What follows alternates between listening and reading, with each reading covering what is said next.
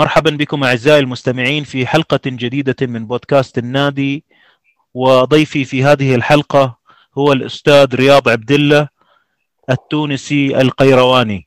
أهلا أستاذ. أهلا وسهلا سي فاضل مرحبا بك.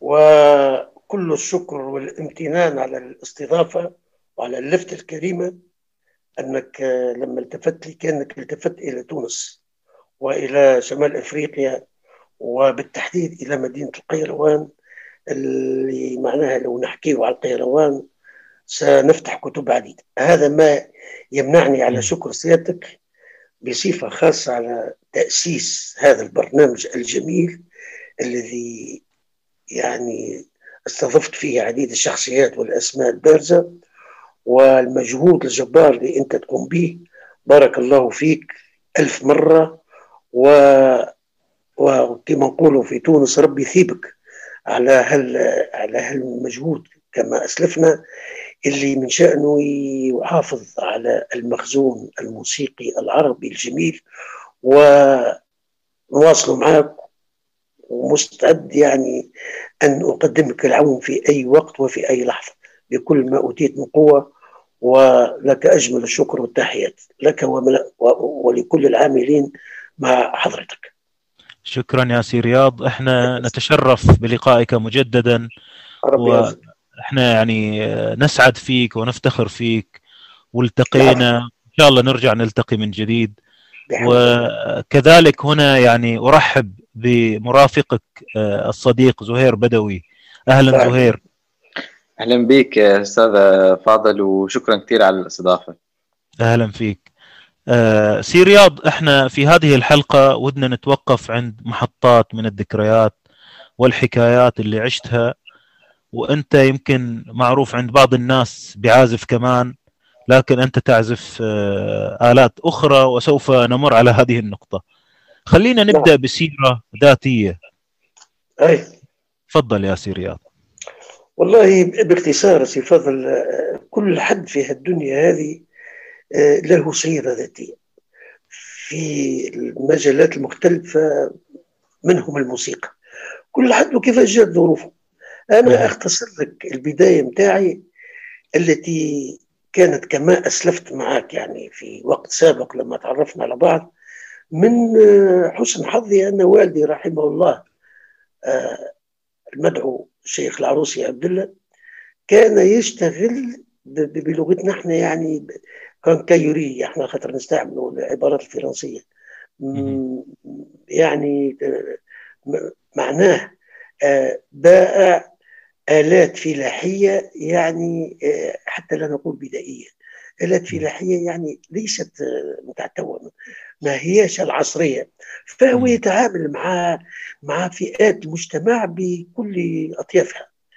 فمثلا كان من جملة ما يبيع ما يبيع الأشياء اللي كنت نشوفها في, في الدكان بتاعه آه القصب يعني المزمار. إحنا نقولوا قصبة في تونس آه قصبة بحرف الجاء. وهي نعم. القصبة اللي تطورت ولات ناي ولات يعني فحل نقولوا إحنا فحل ما نعرفش اصطلاحكم أنتم في السعودية كيف. لكن إحنا المهم هي نعم. آلة نبخ فأنا يوم الاثنين يوم السوق واعتدت على المكوث في دكان والدي لأن المدرسة اللي نقرأ فيها قريبة من وهذه حقائق يا سي فاضل ولا أبالغ ولا اطلب ولا هذه كلها قطعة مني الحكايات اللي نحكي لك فيها. نعم. فنشوف شوف الحرفاء يوم هو يوم الاثنين سوق القيروان. فياتيوا ويشتريوا بعض حاجات من جملتهم يشريوا هالقصبة اللي نقولوا إحنا في تونس القصب اللي رجع معناها تاريخها وتوا مستعملة في الأفراح خاصة في البوادي والأرياف و... لكن معها آلة لورج فأصبحت معناها كما نقولوا مع الأسف ملوخية بالحوت. ما تجيش اورج وقصبه لكن الله غالب. هذا الموجود. نعم, نعم. آه القصبة هذه الراء الحرفاء كيفاش يجي يشتري قصبة. يجربها لأن لأنك القصبه ذيك ما هيش خارجة من عند خبير أو من عند معمل فيه مقاييس معينة فهو يلصق كواغط أوراق يغطي بها ثقب وثقب يخليها عريانة وبعد فهمت بالقوة أنه يضبط ديوان يعزف عليه ديوان يعني ديوان صوتي صحيح تقول أنت من الصول للصول أو من الدو للدو أو فأنا صغير عام 55 و 56 عمري ست سنوات كيف افهم؟ إلى أن تطورت الحكاية وأصبحت معناها من وأصبحت أسرق سامحني في العبارة نسرق غصبا نهزها نجرب بها ثم تتكسر نعاود واحدة أخرى وهكذا دواليك. حتى بعد تقريبا سنتين حصلت على النفخ. وليت نعرف ننفخ في القسمة هذيك. يهزني هذا الحديث إلى الشبيبه المدرسية في المعهد الثانوي. لما نجحت نعم. لما نجحت في المرور للثانويه وسألني الأستاذ قال من يعزف آلة؟ من عنده فكره على آلة؟ الله يرحمه سي حمادي المكي هذا أستاذي الأول. فحكيت له القصة بكل براءة بكل براءة الأطفال كما يقولون. فمد نعم مد لي ناي قال لي تنجمش تنفخ في هذا. لكن النفخة هذيك طلعتني فوق الركح مع الفرقة الموسيقية. وأنا هديتك بعض الصور لما كنت عازف ناي. صحيح. كان عمري 15 سنة في فما ما استنتجت من هال من هالحادثه هذه. أن آلة الناي حتى لا نقول والقصبة والفلوت وهذا كله هي تنمي الملكة الموسيقية الملكة السمعية عند الطفل. هذا مؤكد لا جدال فيه. وتمنيت لو في المعاهد والأكاديمية والمعاهد الموسيقية. أنا ما عنديش اطلاع عليه على برامجهم. لكن ما حدث لي أنا هذا هو الواقع. الناي هو اللي هو اللي ربالي الملكة السمعية فأصبحت كما يقول المرحوم علي السريتي وضني كقربان الملوخية. ما نعدي حد شيء غلط بإذن الله. إلى إلى يوم الناس هذا. وإن شاء الله نكون اختصرت لك أستاذ فضل الأقصوصة هذه الصغيرة. لا بس هذا البداية يا سي رياض. يعني الآن إحنا وصلنا إلى إلى إلى الناي ومسرح المدرسة أو ركح المدرسة. وبعدين؟ نعم. بعدين في نفس المعهد الثانوي هذاك كنا كنا نخرج في الراحة يوم الجمعة عندنا تمرين عندنا تمرين للشبيبة المدرسية الموسيقية وأنا كنت ضمن المجموعة هذه. فلما يخرجوا ويرتاحوا آه، آه، لفت نظري للعود. عجبني العود. قلت كان حنعدي عليه شوية كان نعزف. بديت نخلوض بالعود. هما يخرجوا وأنا نقعد. بعدين قلت لا الكمنجه تكون خير. فبشويه بشويه إلى أن اهتديت في يوم من الأيام الجر القوس على الكمنجة ووضع آه، أناملي أو آه، أصابعي على على المرايا نتاع الكمنجة. آه، وكانت هذه فترة انتقالية وما عنديش كمنجة. ففي وقت من الأوقات اشتريت كمنجة بمبلغ زهيد وانضميت إلى فرقة اللجنة الثقافية بمدينة القيروان. وهي نعم. مؤسسة حكومية. ومن ثم جات الأمسيات وخاطر اللجنة الثقافية باش ما نقولوش يستغلونا يستعملونا يبعثونا السفير باش يتعشى أو وزير باش يدشن أو هذا في عهد الرئيس مطيبه رحمه الله. فكنا نشموا الأكل ولكن ما نتعشوش نشموا الأكل ونعزفوا وعطات التجربة سي فاضل ان لما الواحد يعزف وهو جوعان يتقن أحسن. نعم. فتعودنا نعم نعم. فكانوا الشخصيات يتعشاوا وإحنا نعزفوا إلى من بعد صرنا وطلبنا طلبنا حقوقنا. آه، طلبناها في دستور لما جاء جاء مهرجان دستور وجاءت مسابقات وهذه مرحلة ثالثة في في مسيرتي الفنية المتواضعة. وأعطيك الكلمة حتى تسألني ما نعرفش هل يعني يعني الآن أنت آه، انتقلت من الناي إلى استكشاف العود إلى الكمان آه، إلى أن أنت دخلت مثلا في مؤسسة صاروا يطلبوكم في حفلات وفي أي. مناسبات. آه، ولكن في فضل حتى حتى أنت خبرتني عن عن موضوع الحلاق وعن تجربة أنا اشتغلت تو اشتغلت الحلاق. وين؟ الحلاق. لكن سامحني في هذه المدة ما قعدتش صغير ماشي ونكبر كيف الناس. فلما مش شبيبة الموسيقية اللي تابعة المعهد الثانوي آه، جات قلت لك اللجنة الثقافية واللجنة الثقافية تضم تضم كل من له معناها حب للموسيقى وميل للموسيقى وحرفهم يعني مختلفة. تلقى البناي تلقى الأستاذ تلقى الحلاق. فأنا تعرفت على أحسن صديق كان كان لي في الله يرحمه اسمه مختار الشواشي وهو عنده دكان حلاق ووالده عازف كمانجا وهي قاسم مم. الشواشي رحمه الله.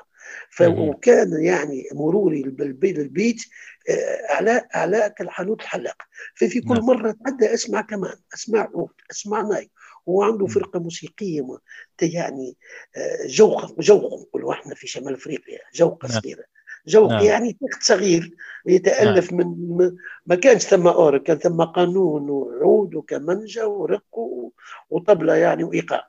صح. إيه اللي أنت عرفت عليه هذا؟ إيه سي مختار هذا الله يرحمه كان يكبرني تقريبا 12 سنة. وكان آه، ولد عائلة محترمة.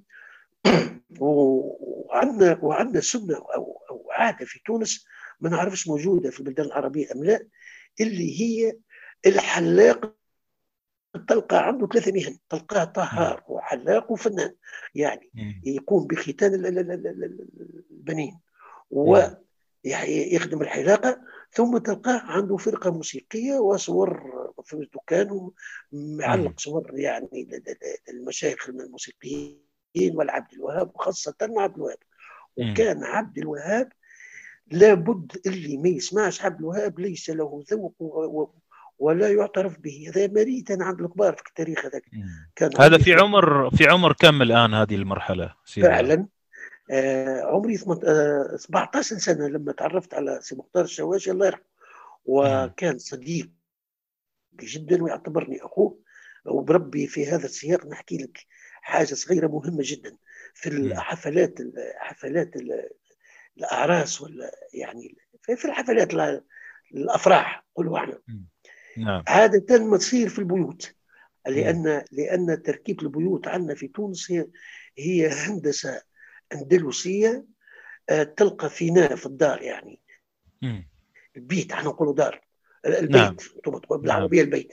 تبقى نعم. فيناء وسع يخصوه للأفراح حشاك ولل ولل ولل- وللموت أو لل... لما يتوفى حد يعني حتى يلقاو كيفاش الناس يقعدوا كيفاش يلتقوا ببعضهم فالفيناء نتاع الدار هذاك تصير فيه الحفلة. نعم. والرجال هي حفلة للرجال ما هيش للنساء. والنساء في ال- في الغرف مسكرين مهبطين ستارات يعني لأن. والناس الكل تحفظ المألوف. وتن وكانت بدايتي ال- ال- الموسيقية الفنية في عزف الكمان مع هذا سي مختار الشواشي. في حاجة نسميوها نقولوا العوادة.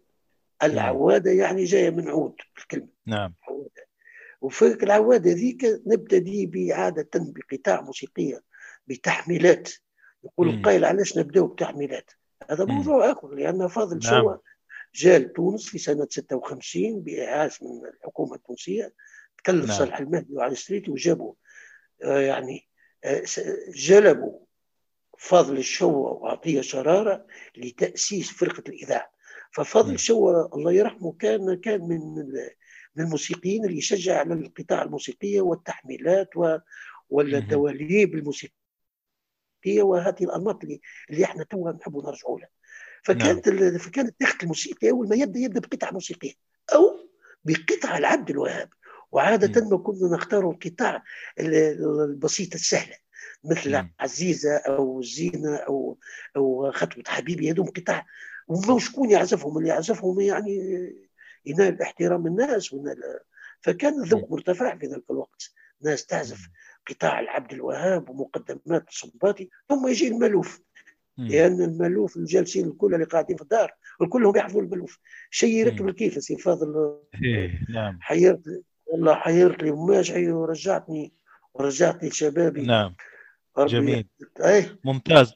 اذا. اذا استمرينا يعني على هذا الموضوع وايش إيش استفدت أيضا من من آه، الأستاذ مختار يعني آه،. لما جلست يعني إيش إيش الأشياء اللي آه. شفتها من تواجدك معاه شوف غير غير أخذك معاه إلى مثل هذه الأفنية يعني اللي حضرتوا إيه، فيه إيه، شاركتوا اي فيها. فهمتك مم. شوف في ذلك التاريخ سي فاضل إيه، لم لم تكن فرق آه، يعني متعدده في البلاد ثم فرقة هذا الشواشي وثم فرقة أخرى نتاع شيخ مألوف اسمه شيخ حمود الزرقاء راجل. عصامي قديم في سيدي يخدم في الشتاء ومت- في. الصيف عفوا لأن في الشتاء تقل الأفراح و... وما ثماش فرق كبيرة أو تنافس أو فالموسيقيين معروفين في البلاد فلان وفلان وفلان وفلان. فلما أنا طلعت جاء مختار الشواشي إيش قال لي؟ قال لي يا رياض باش نقول لك بكل صدق أنا كنت كمنجاتي هاو ناخذ العود وأنت تعزف الكمنجة والكمنجة نتاع ابوه الله يرحمه كمنجة لو قعدت التو الله أعلم وين مشات وين ضاعت وين ما نعرفش. لو قعدت تسوى على الأقل على الأقل 5 6000 دولار أمريكي. عنده كمنجة شاريها له قدر اسرار فيها من. حسن حظي اللي أنا بديت به نعم ثم أن مختار السوادي هذا احتفظ علي وكأني أخوه الصغير كي نبداو. نعزفوا في, في, في قدامك الناس هو قدمني على أني اخوه مم. اخوه من أمه. يعني يعني أمه ماخذة زوز رجال. آه ماخذة قاسم علاش؟ خاطر كي الناس يقولوا يرحم قاسم شكون هو قاسم؟ آه. هو مختار. نعم. يلزم يولي بي أنا. وإذا كان أنا اخوه مختار فأني وحدة بالاحترام والتبجيل قدام الناس. فهمت؟ هذا صحيح هو. أي. صحيح. كان رجل طيب رحمه الله. آه رغم مستواه المتوسط في الموسيقى. وكان. شهواني وضحوكه وصاحب فلكه وصاحب والوقت هذاك سي فاضل ما كانش ثم الاورج الاورج هذا اللي نزل حشاك مصيبة على على على على روسنا وعلى الموسيقى العربية وأفسد الدرجات الثالثة المي مم. والسي اللي هي معبر لمقامات معناها قديمة بتاع ألف سنين وأنا. نعتبر اليابانيين والصينيين ضحكوا علينا وحطوا لنا مي في كل أورج صالحة لكل شيء. وهي لا ما هي صالحة لكل شيء. لو نسمع إيه. قطاع عبد الوهاب تسمع. لو تسمع آه، قطعة حبي أو يوم سعيد أو أو القطاع نتاعو اللي عملها في بداياته تسمع المي التركية الم- المرتفعة شوية اللي توا في اللورد يعني ولات عبارة كما حكيت لك في الطريق. يعني أي. كانت جدا ما دجاج ابيض ما عندهاش مطعم مع الاسف إحنا إحنا قبلنا الأورج ويعني في النهاية هو منتج في السوق يعني. آه، طيب سي رياض الآن لما وصلنا هذه المرحلة بعدها إين؟ وين وصلنا في الموسيقى؟ بعدها كان سي صالح المهدي رحمه الله يقوم مجهود جبار في الجمهورية ويجمع شتات الملوف وشتات الموسيقى القديمة ويتجول في الولايات في ولايات تونس.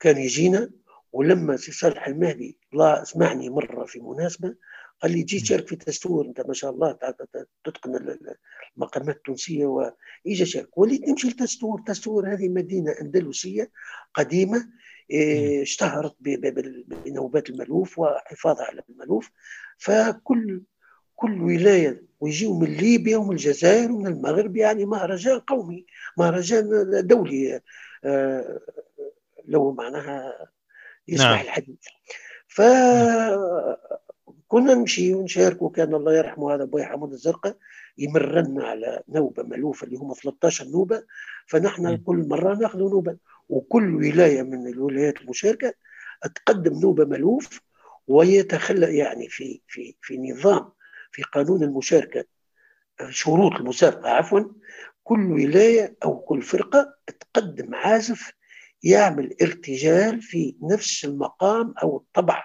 اللي فيه النوبة. إحنا في تونس نقولوا الطبوع التونسية. في صحيح. الشرق يقولوا المقامات المقامات الموسيقية. الطبوع. التونسية هاك السيد هذاك سواء على آلة قانون أو ناي أو كمنجه أو عود عربي. سامحني العود. العربي لو زاد هذا موضوع كبير ياسر فيه صحيح صحيح. أي العود العربي هو اختص فيه اختص بعزفه رحمه الله خميس الشيخ خميس ترنان. وتلمذ عليه الشيخ الطاهر غرسه بو. زياد غرسه التولي ما شاء الله هو محافظ على الموسيقى القديمة التونسية صحيح فأنا. كنت نقدم ارتجال تقريب في خمسه ست مناسبات أذكر أني مم. في الست مناسبات اقتلع الجائزة الأولى مم. وترتيب الولاية الو- بلادي مرة يجيوا في المجموع الثلاثين مرة الخمسين ثم مرة جينا الأولانيين في الجماعي و- مم. والجائزه الأولى في العزف الفردي حتى تم معناها إقصائي بطريقة ذكية قالوا لي أنت أخويا كنت في الإذاعة ونعرفوك فخلي الفضاء غيرك من الشبان وأنت معروف يعني على ساحة نعم. ف مش مشكله محاله هذه فترة مهمة كنت ناخذ فيها الجوائز اللي هي كانت سبب في التحاقي بفرقة الإذاعة والتلفزه التونسيه. نعم. فلان أنت لأن أنت دراستك أصلا غير موسيقية. أنت لم تدرس الموسيقى نظاميا. لا أنت- أنا اول اول الأمر سي فاضل أنا عصامي. مم. عصامي. ولكن في سنة من السنوات قبل الإذاعة رحت أدرس لأن مهنتي أنا أستاذ تربية بدنية. صحيح. ففكرت أني ألتحق بالمعهد الموسيقى وأتلقى دروس نظرية خاصة في الترقيم الموسيقي وفي في الدوزان الغربي اللي يعني ما نعرفوش الميلا ريسول. فمد لي العون آه، أستاذنا الله يرحمه سي صالح المهدي كان هو وقتها آه، رئيس مصلحة آه، الفنون المستظرفة. هكا كان اسمه. واتصلت به وكان وكان لطيف معايا وقال لي أنت اسمي بعدك باهين علاش؟ وأعطاني الأستاذة بلغاريه كانت تقريني حصه في الأسبوع في تونس. وأنا مم. أشتغل في الرياض. وكانت الفترة هذيك عرفتني بأغلب الموسيقيين في الحي الفني بعد الإذاعة لافايات وتعرفت على يعني بديت نقرب من الموسيقيين الكبار بما فيهم المرحوم رضا القلعي اللي كان أمنيتي أني نقرب منه ويكون صديقي وصاحبي. وفعلا هذا ما تم. صحيح. أي. صحيح.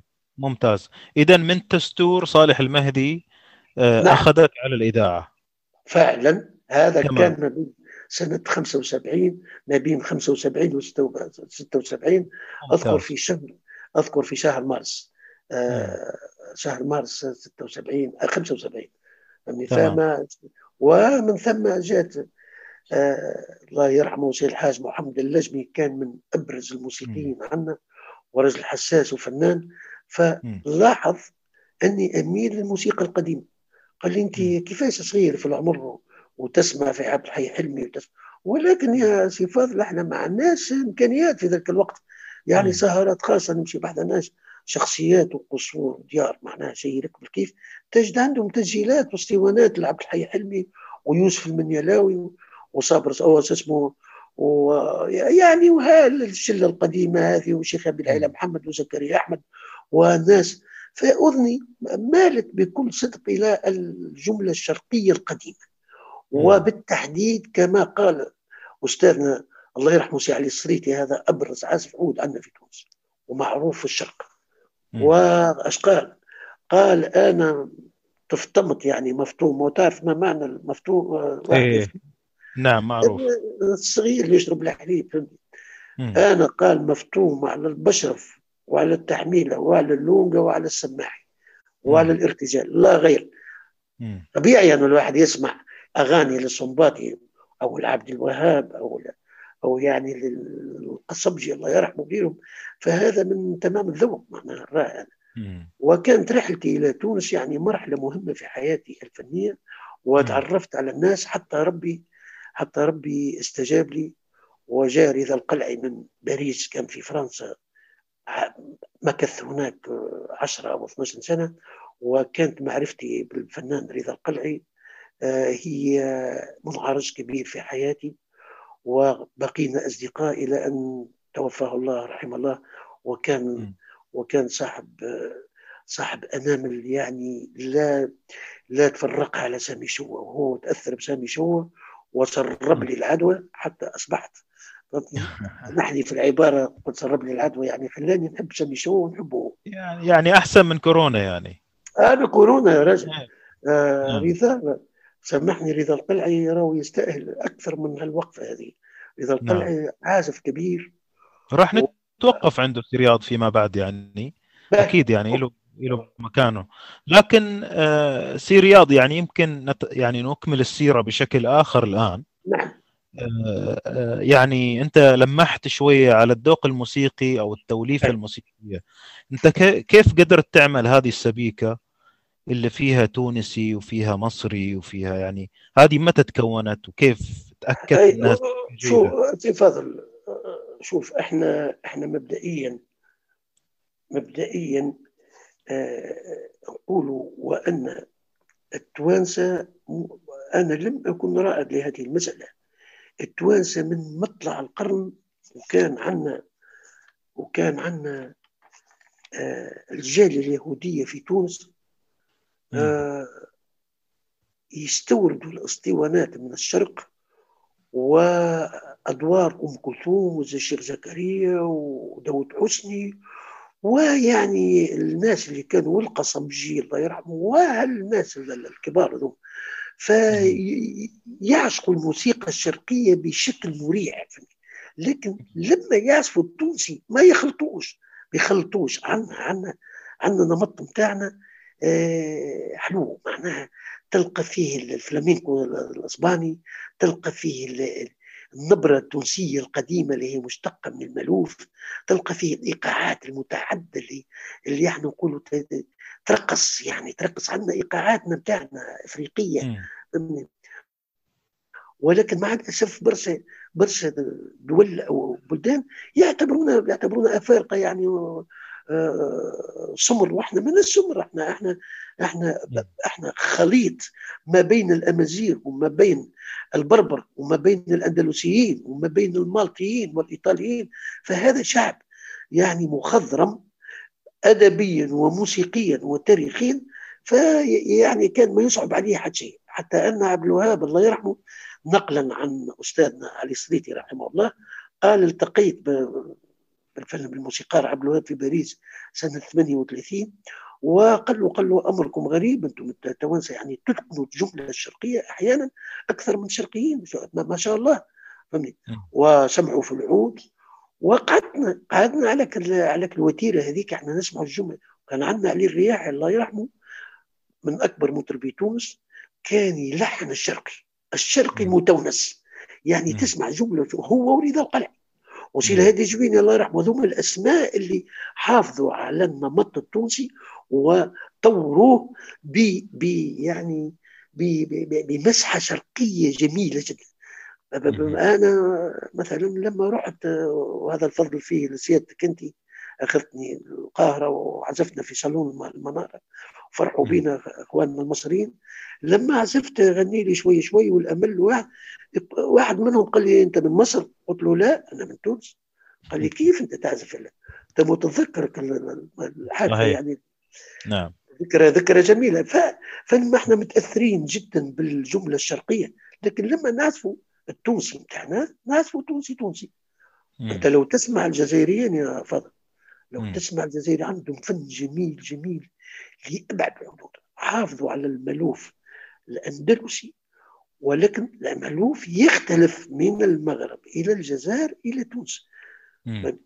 وهذا نرجع شوية للعزف كان ما تراش مانع.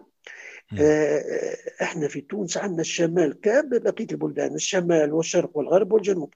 يعني تسمع لما تسمع واحد من غرب تونس كما رحمه الله أستاذنا المفضال والفاضل آه سي بالقاسم حمار تسمع عنده المسحه الجزائرية النكهه الجزائرية خاطر هو يسكن في الحدود في حدود الجزائر وكانوا نعم. يتساهروا ويعرفوا يعني ويزوروا بعضهم.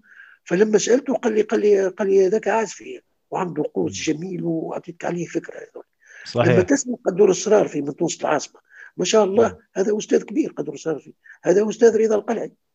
آه، في في في وسط تونس أنا العبد العبد المتواضع آه، بشير السالمي بعض وإحنا القيروان تنتج الموسيقيين الباهين لماذا تنتج؟ لأن الاحتكاك إحنا نحتكوا ببعضنا. وكان عندنا الله يرحمه الشيخ علي البراق هذا لو يا فاضل تخصص له حصة خاصة شيخ علي البراق. صحيح. راح نتوقف عنده شوية بعدين ونشوف مناسبة أخرى. نعم. نفعنا برشا الشيخ علي البراق وكان صاحب والدي وكنت نهلت منه الكثير هو وسعد مجيد بن سعد رحمه الله هذا كان منشد يمتاز بصوت جميل وي... لكن هذا يخلط بين الشرقي والتونسي. صار الله في مناسبة نعطيك تسجيل من تسجيلاته وكان نعم. ذا شهرة ذا شهرة عالية لكن شهرته كل جات من من من صداقته للرئيس بورقيبة وانتهت بانتهاء بورقيبة مع الأسف. نعم. طيب آه، اذا اذا الذوق الموسيقي أو التوليفة الموسيقية اللي كونت شخصية سي رياض كان سببها الاحتكاك والاهتمام نعم نعم سؤالك واضح سي فضل. في في في سنة من السنوات وإحنا ما زلنا قلنا بورقيبة رحمه الله في عيد من أعياد ميلاد الرئيس بورقيبة كان محافظ مدينة القيروان اسمه المنزل الفقي أصر على أن يستجلب الفنان علي السريدي من تونس لتوظيف الفرقة ومعناها تنظيف عملنا ألحان وقتها جديدة أوبرات وما يتبع ذلك من برنامج. فقال لابد من واحد خبير أن يقف على هذا البرنامج حتى نقدم شيء محترم من الرئيس وكانت هذيك المناسبة اللي شفت فيها سي علي السريتي الله يرحمه وكان عنده وقع كبير على نفسي وعلى أذني وعلى ذوقي وعلى وعلى سبيكتي اللي أنت تحكي عليها. علي علي السريتي عنده فضل علي كبير ياسر 50% من من اللي عندي في مخي ماخذه من عند سي علي السريتي الله وهو مع الأسف لم يوثق. كان ولم يلحن كان عازف ممتاز جدا واشتغل مع الأتراك في الخمسينات وحتى قبل الخمسينات وجانا من باريس بمعناها زاد و ومخزون تركي تونسي جميل إلى أبعد الحدود وكان يتقن اللونجا ويتقن التحميله وصديق لفاضل شوا و ومعجب والله مرة من المرات يا فاضل في الإذاعة في المكتب بتاعه ناداني ناداني باش نسجل معاه حاجة. قال لي أنا نعزف وقال لي تعزف كردان سي رضوان. هو يعني يطلب لي اسمي ساعات أنا اسمي رياضي عاتي رضوان. له نعزف تعديل الكردان. أنا بديت نقسم في الرصد وقال لي المية ذي منين جاتك؟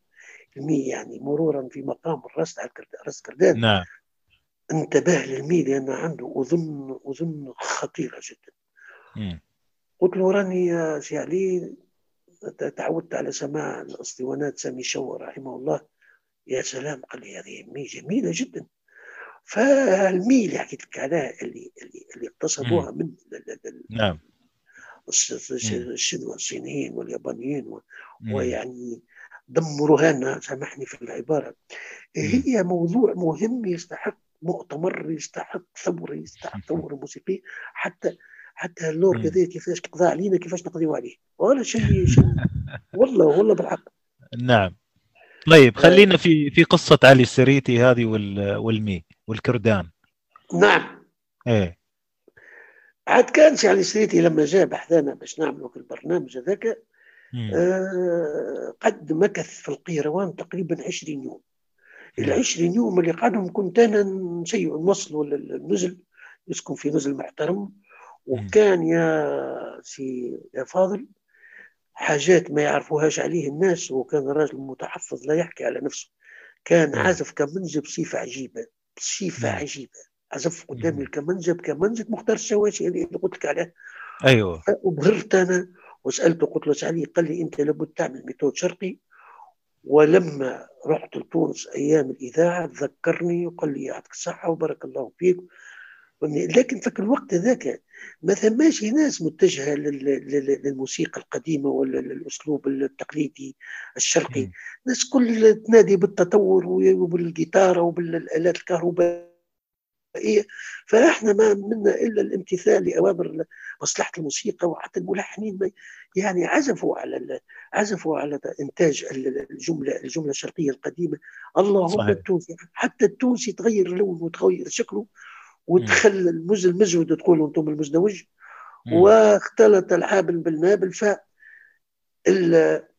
معناه الا ما رحم ربك والمادة تغطى على الميدان والعلاقات الشخصية ثم أتت معضلة كبيرة جدا هي البث بث الأغاني في الإذاعات. إحنا في تونس كان عندنا إذاعة واحدة ثم جات إذاعة المستير يعني مسقط رأس الرئيس عمل فيها إذاعة إذاعة منسير ثم تعدت الإذاعات إلى أن أصبحت إذاعات خاصة. لكن مع الأسف في وقت من الأوقات المنشطون المنشطون الذين لا يفقهون الموسيقى يعني زمام الأمور كانت بأيديهم فيستقبلون من يشاء ويطردون من يشاء ويبثون ما يشاءون ويتكتموا ويتحفظوا على ما يشاء يعني خزينة الإذاعة تزخر. بال... بالدرر. تعرف إيش معناها درر أي.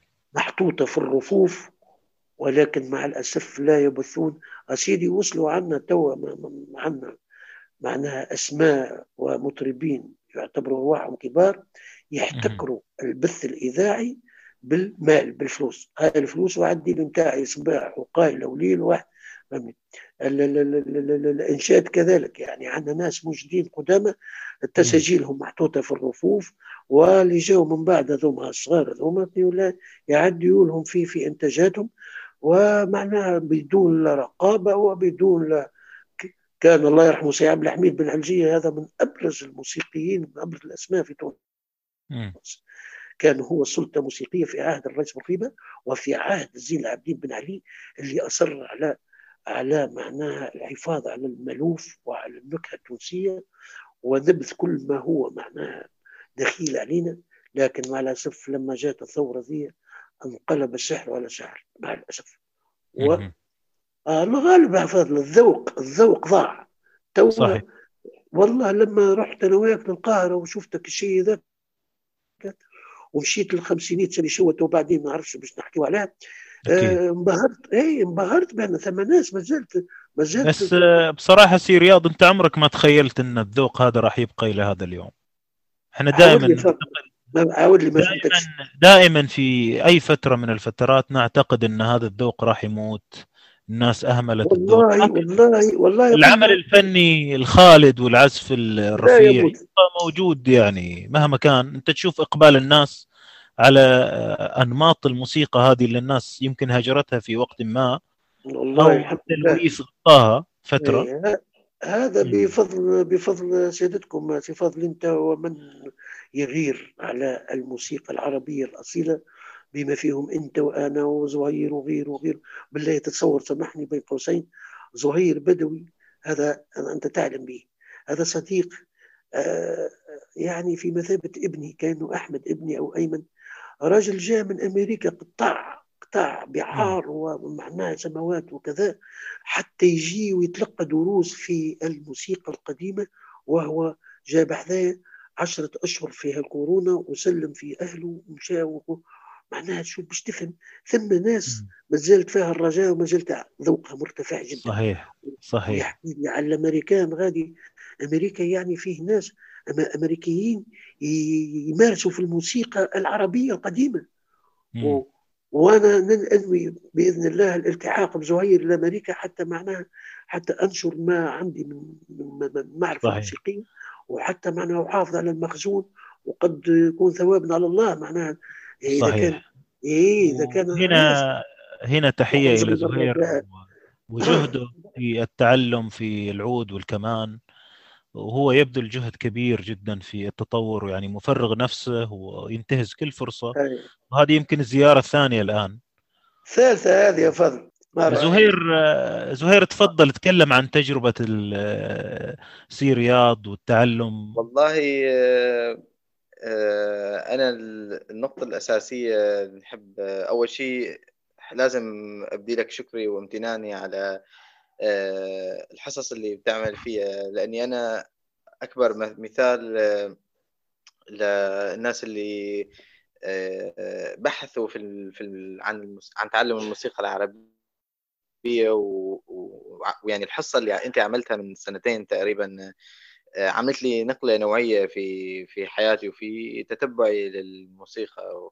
أنا بس حب حب أحكي عن آه، سبب آه، أو كيفية توجهي في في آه، يعني تعلم الم- الموسيقى. آه، أنا ب يعني مثل كل الناس آه، بديت وحدي على الإنترنت و وحبيت آه، شيء اسمه موسيقى آلية يعني العود والكمان. نعم. آه، لكن آه، و يعني تعديت فيه وجدت, نفسي بسرعة يعني تعلمت آه، كتير أمور يعني بأقل من سنة عرفت ال- الأسماء أخذت- لأني كتير عجبت بال- بالموضوع يعني صار عندي عشق. آه، فحبيت يعني أطور نفسي أشوف شو الخطوة اللي آه، آه، وين يعني شو الخطوة الجاية شو كيف واحد فيه يتحسن. نعم. فدخلت بالفترة الأولى مع ناس مثلا عندها كثير مقابلات في الإنترنت وفي التلفز- التلفزة. في التلفزيون و... ويعني أنا كان في نظري فكرت هادو- هدول هن الموسيقيين اللي عن جد في الحقيقة. يعني. آه، بعتبرها فترة يعني ما حتى هي كانت خارجة عن إرادتي لكن أي واحد بيدخل استكشاف. يستكشف في أي مجال لما بيشوف مثلا واحد بيطلع بيقول لك والله أنا معي آه، دكتوراه في كذا والله أنا معي ماجستير في كذا. فبشكل طبيعي أنت يعني أنا ما منتقص من حدا لكن هذا اللي آه، اللي شفته. شفت آه، فهمت فيما بعد إنه الأكاديمية في الموسيقى الشرقية مو دائما عم تعطي النتيجة اللي اللي تعجبني يعني. فقررت فاوقفت الدروس وقفت مع الناس هذه اللي ذكرناها و... وقررت يعني ما أمشي عند حدا أتعلم منه أو أسأله على شيء إلا ما أكون أنا شخصي مقتنع فيه. ممتاز. يعني بشكل أو بآخر يكون فنان مش مو أستاذ موسيقى أو حاصل على بس مجرد إنه حاصل على شهادة موسيقية أو شهرة. و... أيوه أو شهرة نعم صحيح. نعم. فبالصدفة يعني أنت حطيت حضرتك حطيت آه، الحصة مع الأستاذ رياض اللي يحكي اللي حكى فيها عن التقاسيم وحكى فيها عن القفلات والورشة نعم. الموسيقية نعم وفي آه، صحيح في الإسكندرية آه، فطول أنا على طول اتصلت فيه وقلت له يا أستاذ لو تسمح أنا عندي بعض الأسئلة عن عن الموضوع الارتجال و لأني بصراحة تعطلت في الارتجال. في أمور طبعا فينا نحكي عنها الأمور جزئيات بسيطة كثير لكن بتخلي بتخلي الموسيقى أو الموسيقي يعني من حالة من شيء وسط أو شيء أوتوماتيك لشيء معبر وشيء يعني مثلا لو ناخذ مثلا آه، الأستاذ رياض أو أو اللي سبقوه مثلا مثل احمد أحمد الحفناوي. بتشوف بتشوف فيه بيعمل آه، أمور يعني موجودة عند الأتراك والعرب ما ما فينك تنوطها أنت. يستحيل يعني يستحيل تحطها في في ورقة وتكررها إلا بالواحد بالتتبع السليم وبال ف بلا طولنا الحديث. جيت أول مرة على تونس و وثاني مرة المرة الثالثة آه، يعني صار مشكلة الكورونا اللي هي إجت في صالحي أنا. آه، طولت البحث والقعدة وما زلت نبحث وما زلت نتعلم. لكن نعم. كان نظريتي صحيحة صحيحة إنه الفنان آه، اللي يحب يحب يتعلم الموسيقى لازم ياخذها عند عند شخص فنان. يعني أنت ما ما ممكن تتعلم الغناء من من واحد ما بيعرف يغني هذا هذا برأيي الشخصي. صحيح. و... والله آه، بهنيك يا زهير على معايشة سي رياض والبقاء في هذا الوقت ورؤية في التجارب يعني تعرف المعايشة يعني نتعلم منها أكثر من من أوراق أو من دروس مختصرة. وفعلا يعني نتمنى لك التوفيق بصراحة. أه والله أنا بشكرك كثير مرة ثانية فاضل و... ومن حظي إني قعدت مع الأستاذ رياض بشكره على أه استيعابه وعلى يعني ما بخ... ما بخل علي بشيء ما في سر ما في جملة ما في يوم من الصبح لبالليل نحن بالموسيقى حتى بمشي معه على الشغل أفراح كتر خير وكتر خيرك أنت على الجهد اللي عامله. يعطيك العافية. وهذا سي فاضل لا يمنع. لا يمنع يعني انفتاح خط الخط الجوي بين السعودية وتونس حتى تشرفنا بوجودك سيادتك رغم انك جاية قصيرة جدا جدا من ثلاث سنوات أو أكثر. وأنت مدعو في أي وقت مرحبا بك. وإحنا تشرفوا بيك ومبجل شكرا يا سي رياض. إذا كان فزهير قد بحذاه 10 اشهر أنت تقعد 10 سنين مرحبا بك. شكرا لك يا سي رياض وشكرا لكرمك يعني طيب فاضل أنت رجل طيب وغيور على الموسيقى وإحنا نحب الناس هذول تفضل سي تفضل طيب نواصل الحديث لكن بعد نعم. استراحة يا سي رياض آه نستريح إيش تختار من المقطوعات ها؟ إيه.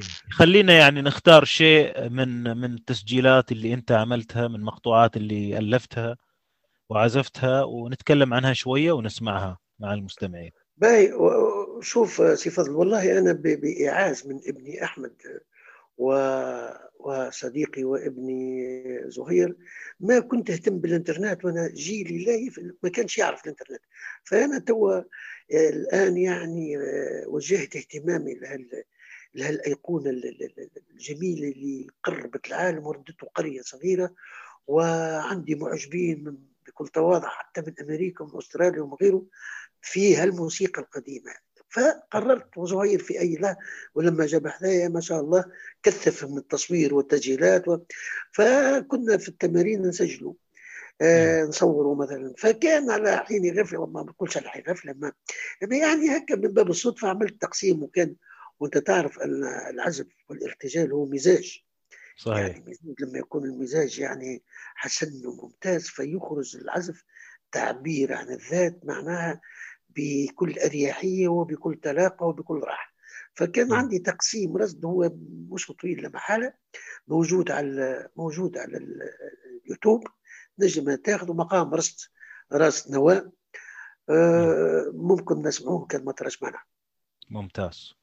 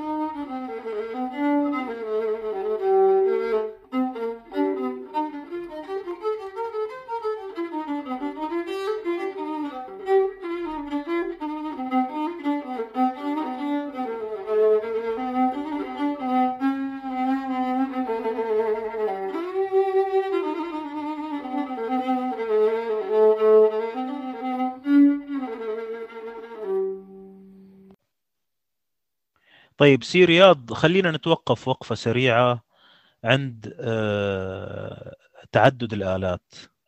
أي؟ مم.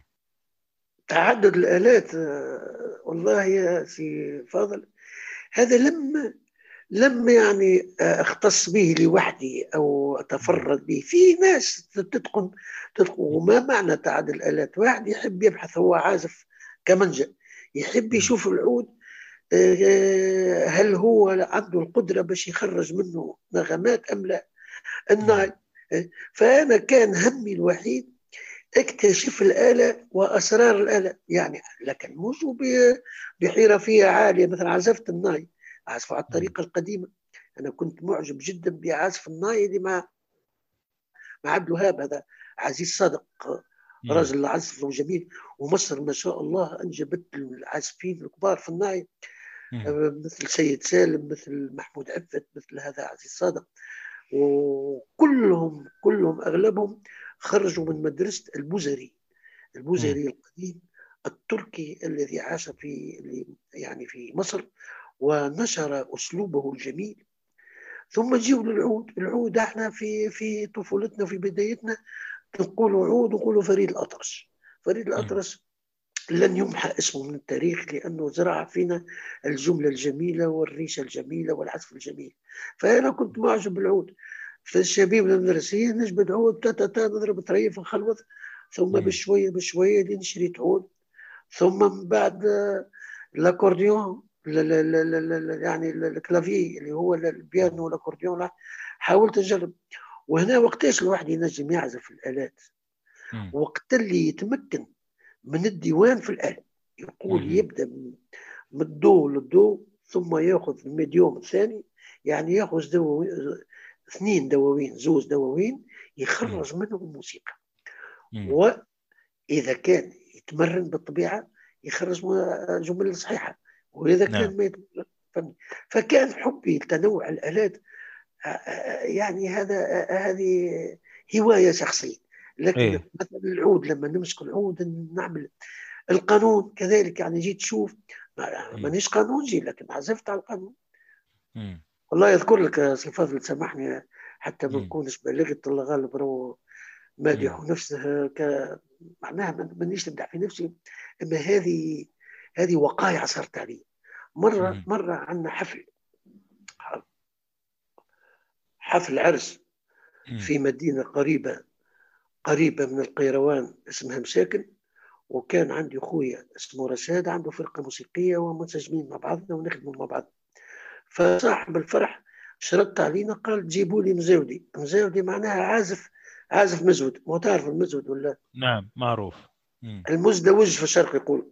وموجود نعم. في موجود في الإمارات وموجود في السعودية وفي الأردن.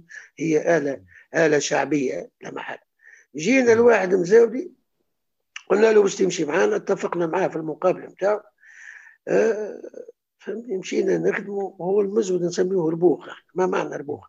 كلمة ربوخ معناها يشيخ زي يربخ يربخ يحفل المحفل يعني خاطر بكله وبكله إيقاعات راقصة وبكله. ولكن المزود هذا راهو حتى معناها باش ناخذ وقت فيه. فيه ديوان ديوان ديوان برك.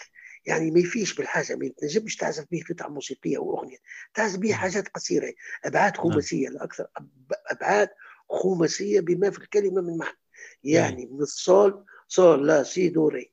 من الصول نعم. للري تقعد تعزف بهم هذوك. ولكن شوية هذوك باختصار السيد اللي يعزف المزود خرج في الليل ما رجعش نعم. الله أعلم به وين مشى. هو المزود نتاعو خلاه.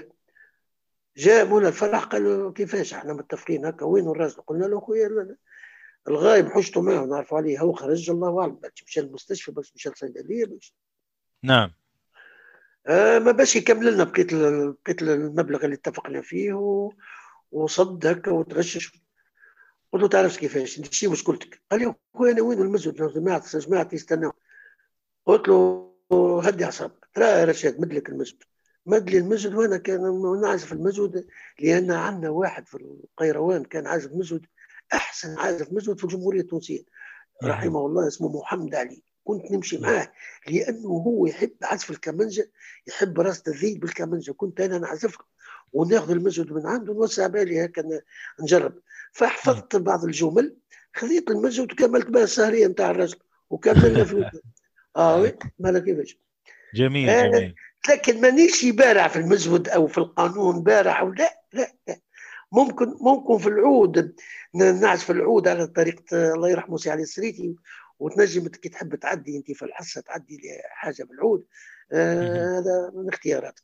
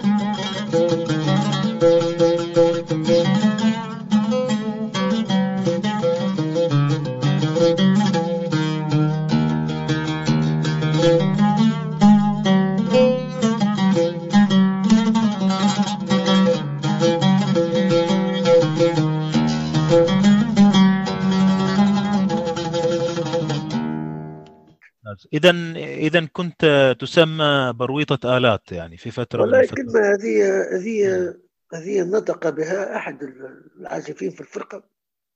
مم. إحنا البرويطة تقولوا لها أنتم في السعودية؟ يمكن ال- العربة. العربة أحنا نقولوا برويطة. آه كلمة برويطة راي أصلها فرنسية بروات.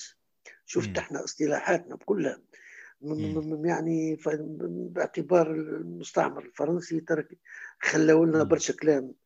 طاولة الطابل والبروات وال- والى آخره. فالبرويطة آلات برويطة معبية بالآلات. مم. بالأكورديون للناي للعود للكمنجة لل- نعم. للقانون إلا الإيقاع مانيش بارع فيه. الإيقاع يخرج من القلب هذاك. عنده ماليه فهمني. طيب أما بالله سامحني خلينا نقولوها الحكاية. حكاية تعدد الآلات يا راه مش. شرط مشروط. هذا من ناحية. يبقى مجهود لا أكثر ولا أقل ومش امتياز أنا ما راهوش حاجة كبيرة ما نعرفش أي. أنت كيفاش أي. صحيح فهمتك بس القصد انه تكون في مسؤولية على العازف إنه يتمرن كل الآلات اللي هو يشتغلها كان يعني. عنده رغبة وإذا كان عنده. قدرة على على تنطيق الآلة إحنا نقولوا ينطق الآلة ويشوف نعم. أسرارها علاش لا شكون علاش لا مثلا نعم. لو تسألني أنت من عازفين العود شكون اللي أنا. مثلا عبد الوهاب يشدني برشا ناس ما يعرفوش لي عبد الوهاب عازف عود ممتاز في التخت نتاعو لما يصاحب نفسه. اسمع أنت اغانيه في في في في في شباب واسمع لما أنت ناوي تسمع العود ما شاء الله. مالي اسمع اسمع أحب أشوفك كل يوم الدور ذاك اسمع خايفة ولا يعني يعود. ثم فريد. الأطرش ثم فريد غصن ثم وعلى رأسهم رائد المدرسة القديمة آه، محمد القصبجي. ثم مم. الصنباطي يتفرد بأسلوب رومانسي جميل لم يسبق أن معناها آه، عزف عزف واحد كيف هذا الاسلوب هذا؟ اسلوبه رومانسي محترم راقي جدا جمل ولذلك خلدت ألحان الصنباطي وبقت في الذاكرة. تمام. ممتاز. طيب خلينا خلينا ننتقل الآن إلى الالتحاق بالسلك الموسيقي. أنت كنت فترة هاوي. وتتسلى أي. بين الشبيبة وبين آه، الجمعيات والمؤسسات. فعلا. وبعدين آه، انتقلنا إلى سلك رسمي والإذاعة. إيش أي. اللي تبدل عليك يا سي رياض؟ عاود لي إيش شنو ما الذي تبدل عليك كموسيقي من المرحلة السابقة ومرحلة الالتحاق بسلك رسمي؟ آه، ردا على سؤالك يا سي فاضل اللي هو سؤال مهم وواضح. فلما الإنسان يكون خاصة كي يعيش المرحلة هذه في بداياته مرتبطة بعمره خاطر العمر عنده دخل تو لما يكون واحد في تاريخ- التاريخ هذاك عمري 25 سنة يعني يعني في في أوج شبابي. ونخرج من القيروان كما فعل الأسبقون خاطر عندنا عادة إحنا في القيروان وفي, وفي البل- البلدان اللي خرج منها الموسيقيين يبدأ في بلاده ثم يلتحق بالعاصمة فلما. يلتحق بالعاصمة خاصة فرقة إذاعة ذاك الوقت هذاك نقولوا فرقة إذاعة يعني النخبة كما تقول. أنت الفريق القومي لكرة القدم أو لكل فريق قومي يعني فهذه نعم. نخبة قومية تجمع وثم سي آه، فاضل ثم ثم باش ما نقول السر ثم ثم حاجة مرة شوية مع الأسف كان في التاريخ هذاك فرقة الإذاعة أغلبها من تونس العاصمة مم. كلهم من مواليد باب السويقة وباب الجديد والربط اللي يهمنا والربط لاغر واللهجة اللي موجودة غادي يعني قليلا قليلا أينما يرحبون بضيف جاي من من من أوسط الجمهورية مم. فلما يجيهم يعتبروه كأنه دخيل لكن لما يكون مم. ممتاز وبارع وعنده ما ما, ما يقدم ونال استحسان يعني المسؤولين فبشوية بشوية رويدا رويدا يصبح منهم ويستقر بتونس العاصمة العملية هنا شنو؟ العملية هي الاحتكاك وال والإحساس النفسي. واحد يقول أنا كنت هاوي أصبحت أصبحت ما بين حسن الغربي وبالقاسم عمار والحاج اللجمي إذا واحمد القلعي رحمه الله هذا هذا هذا هذا هو اللي عندك عليه فكرة كبيرة. اي راح نتوقف عنده أحمد القلعي. نعم. باهي. الإحساس هذا لما يكون الواحد يشتغل في فرق بسيطة أو متواضعة ثم يصبح يشتغل في فرقة قومية آه، اللي تظهر في التلفزة وقتها أسود وأبيض نواري بلون فهمتني فهذا إحساس جميل. ولما يجب تقوسوا في وسط 17 كمنزل كلهم عندهم 20 و30 سنة يشتغلوا في الاذاعه فهذا وقع. وقع معناها محترم وعنده قيمة على نفس البشر نفس العازف ويتقدم ويحتك بك الناس ويصبح يحس يحس بقيمته في وسط الناس هذيك. وأنا ربما ظروفي كانت غير ظروف الناس الآخرين.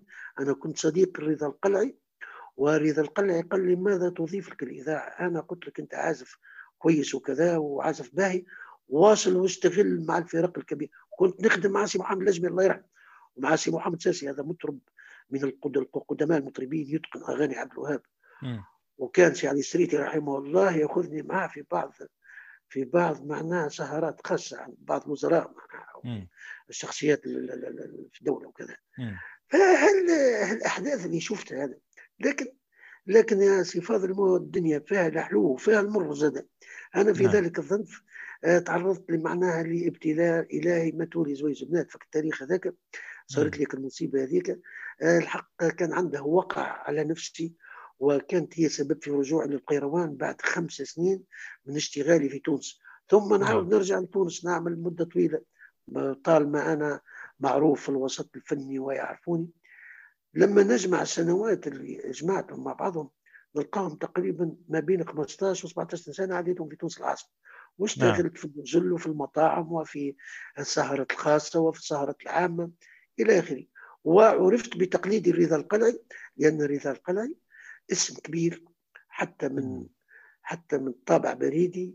يعني تكريما له أسندت له الدولة طابع بريدي فيه صورة رضا القلعي. وكذلك آه سي قدور الصرارفي ثم محمد الجاموسي رحمه الله. هذا كان مؤلف وملحن ومغني من من أشهر الأسماء الفنية في تونس. نعم. والحديث يطول. جميل. طيب أنت الآن آه، يعني بشكل ممتاز وضحت ما يحدث خارج البيت في فترة الالتحاق بالإذاعة في البداية. فعلا. ما الذي يحدث داخل البيت؟ أنت كموسيقي إيش تغير عليك داخل البيت؟ والله يا سي فاضل ما ما نتصورش تغير علي شيء لأن لأن ما كسبته من خبرة يعني من من سنة 70 حتى ال 82 لما لما خرجت من الإذاعة ورجعت لصفوف التربية البدنية كونت فرقة موسيقية في القيروان وجمعت مغنيين وفنيين ترأست هذه الفرقة وكونتها لكن قعدت باتصال مع تونس ثم رجعت لتونس لكن نشتغل برا في البيت. في بيتي معناها أنا إذا ما نبرفش لابد لابد كل يوم نمسك الكمان على الأقل ما بين نصف ساعة أو ساعة. إذا مش أكثر. لأن الكمنجة في فاضل كما يقال تتركها تتركك. اللي اللي ما اللي ما يتمرنش. يفقد يفقد قدرته على العزف الجيد ويفقد قدرته على فأنا ما عنديش ملاهي أخرى. لا ما نمشيش إلى الملاعب كرة القدم ولا نلعب ورق ولا حد شيء. عندي أصدقائي موسيقيين نجتمعوا برا لكن في البيت السلوى الوحيدة متاعي هي إني نعزف ساعة من زمان في غرفة من الغرف وحدي ونحس هكا بانشراح ونحس براحة. ولا نتفرج على الأخبار في التلفزيون لا أكثر ولا أقل ما عنديش حاجة أخرى إيه بس هل هل مثلا وجودك مع العازفين حمسك للتمرين أكثر لمعرفة معلومات عن الموسيقى هم العازفين كلهم اللي في الإذاعة اللي في الإذاعة واللي في الفرق الكبيرة والزملاء الجدد. إيه إيش بيه؟ تحكي يعني عن الاحتكاك أنت. الاحتكاك نعم. هل غير شيء خلاك يعني تشتغل أكثر؟ فعلا فعلا يا سي فاضل هو الحاجة الباهية في الامر هذا هو أن أعمار أعمار الموسيقيين متفاوتة. كان عندي صديقي الله يفرج كربه لا أدري هل ما زال على قيد الحياة اسمه الشادلي الساحلي. هذا آه عازف يعني التحق بصفوف فرقة الإذاعة قبلي من عام 61 تخلي يعني يعني 17 سنة قبلي على الأقل أو 15 سنة.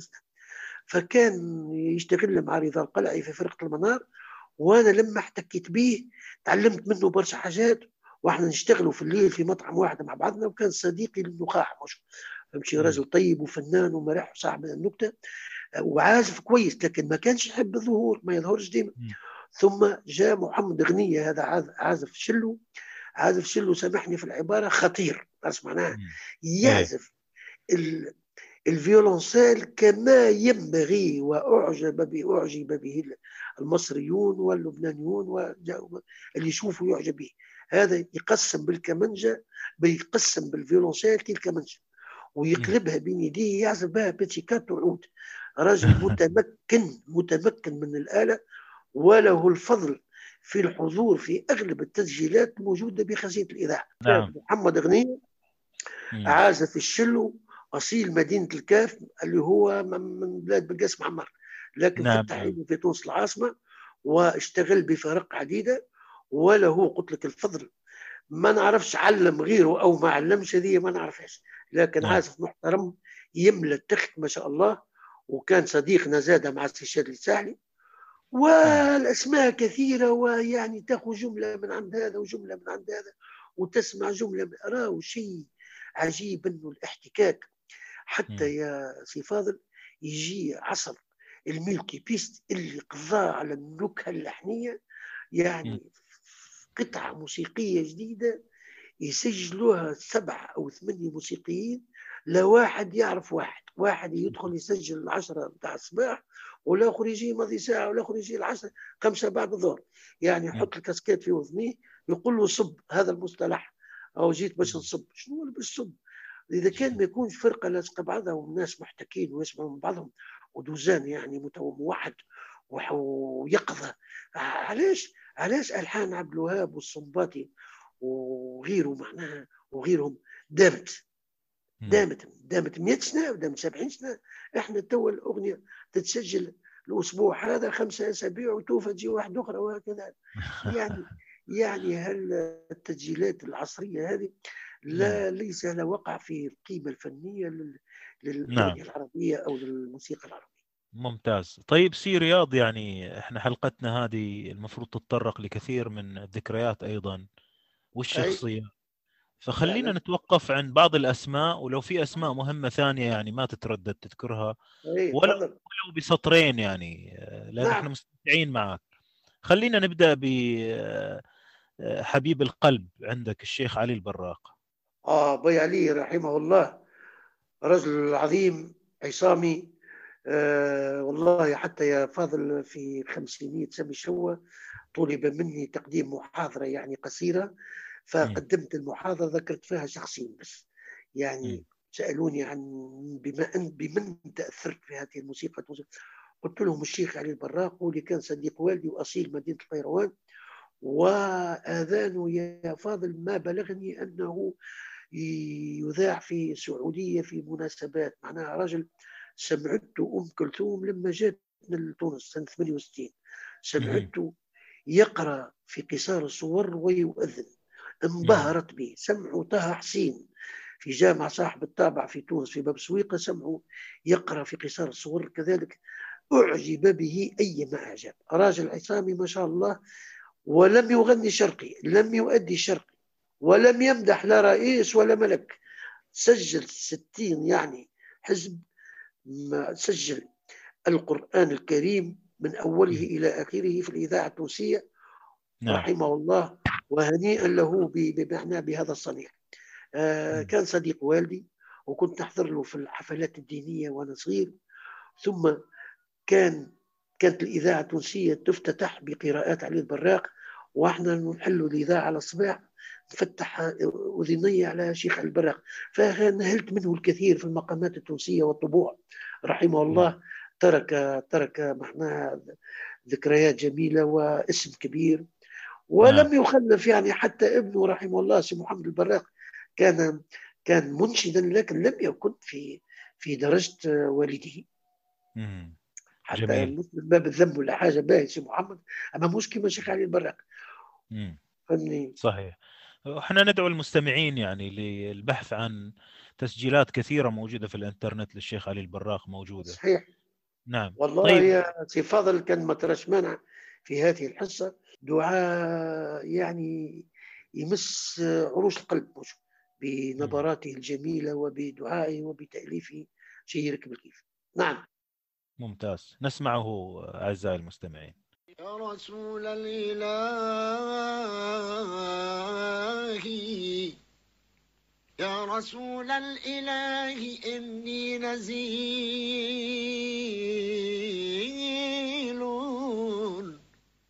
ونزيل الكرام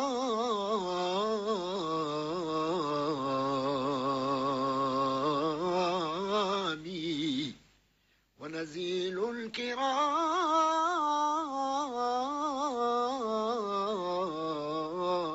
ليس يضام.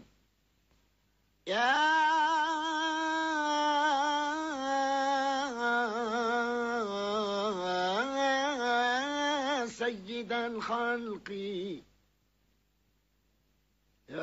سيد الخلق يا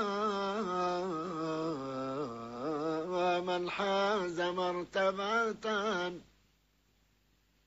يا سيد الخلق يا من حاز مرتبة عليا. عليا. عليا. وقد جل عن عن شبه وعن مثل عليك صلى الله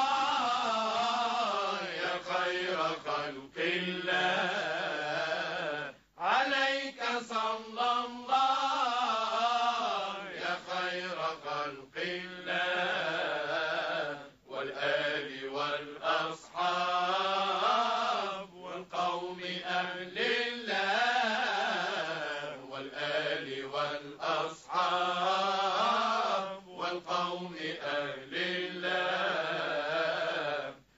له البرهان وخلقه القرآن. يا من له البرهان وخلقه القرآن. مكنت الأكوان وحقه لولاه مكنت الأكوان وحقه لولاه عليك صلى الله يا خير خلق الله. عليك صلى الله يا خير خلق الله. والآل والأصحاب والقوم أهل الله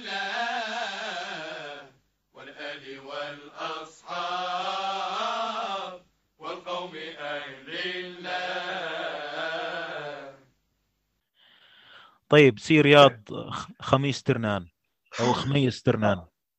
خميس ترنان هذا سي فاضل رحمه الله هو أسي أصيل مدينة في شمال تونس مدينة بنزرت. هذا ينحدر من عائلة أندلسية آه يعني فرت من الاحتلال الإسباني غداة الحرب يعني غداة هجوم الإسبان على الأندلس. واستقرت عائلته ب- بمدينة بنزرت. وعائلته كانت محافظة على ال- الملوف التونسي فنقل من أجداده ومن أبويه أبيه عفوا سامحني آه، ما ما تيسر له من من الملوف ومعناها جاء إلى تونس العاصمة وسجلت له بعض الشركات اسطوانات حتى ما يذكر عنه أنه كان باش يمشي للجيش الفرنسي يعني باش يمشي لفرنسا تدخل الباي وقال لا خميس ترنان هو رجل فنان و- وملوفجي وكذا لا, لا, لا يخدم الخدمة العسكرية. يعني بتدخلات في ذلك الوقت هذا نعم. تقريبا سنة, سنة 20 أو 22 فخميس ترنان له الفضل له الفضل في في في معناها نشر ال- ال- النمط والأنماط التونسية في في مقر الرشيدية يعني المعهد الرشيدي اللي أسسه رشيد باي تقريبا مم. سنة 24 أو يعني مما أذكر. مم. وكلف خميس ترنان بتعليم بتعليم المألوف لل- للناشئة وللموسيقيين في ذلك الوقت. ومن تلم- تلامذته كان سي محمد التريكي رحمه الله وطاهر غرسة الذي حافظ على المألوف. وغيرهم من الأسماء البارزة مثل صالح المهدي. سامحني نسيت صالح المهدي اللي هو من أبرز تلاميذة قميص ترنان وخميس ترنان كان ملحن من ألحانه من أجمل ما ما موجود عندنا في الاذاعه ولو مم. تكرمت تعدي له ما نعرفش تحبش نبعث لك أغنية أو تحبش على خاطر على خاطر عنده إيش تختار. إيش تختار آه. لخميس ترنان عنده يا سي فاضل عديد الأغاني منها منها أغنية في مقام مقام اندثر ما عادش يلحنوا فيه لأن أصحاب ال ال ال ال يعني ال- مم. الروح التونسية أغلبهم توفوا. غناية بعنوان من كلمات من كلمات شاعر فذ زدا أحمد خير الدين. والحان قبيس ترنان كانت باش تغناها صالحة شوية توفيت صالحة في 58 اعطاها. المطرب اسمها عايشه محال كلمة آه تبري العلة وت- وتبلغ المقصود يا شرع الله. شوفك الكلام ما احلاه محال كلمة آه تبري العلة وتبلغ المقصود يا شرع الله هذه بلهجة مم. تونسية صرفة. ممتاز. وطبعا آه، خميس ترنان آه، شارك في آه، مؤتمر آه، 32 ومثل تونس. أي. آه، المجموعة. أي وقتها أرسلوا باي تونس هو مثل ومثل تونس في مؤتمر عام 34 بارك الله فيه 32 نعم. نعم. طيب آه، سي رياض صالح 32 سامحني إيه، صالح المهدي نتوقف اي شوي. صار صار مم. يلعب مم.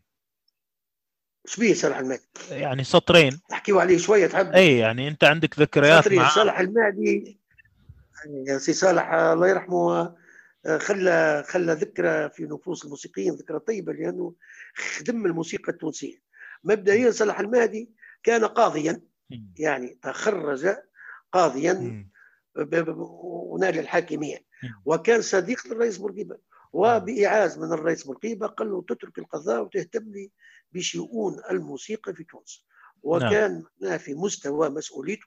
وكان رجل ملم وباحث تاريخي في الموسيقى.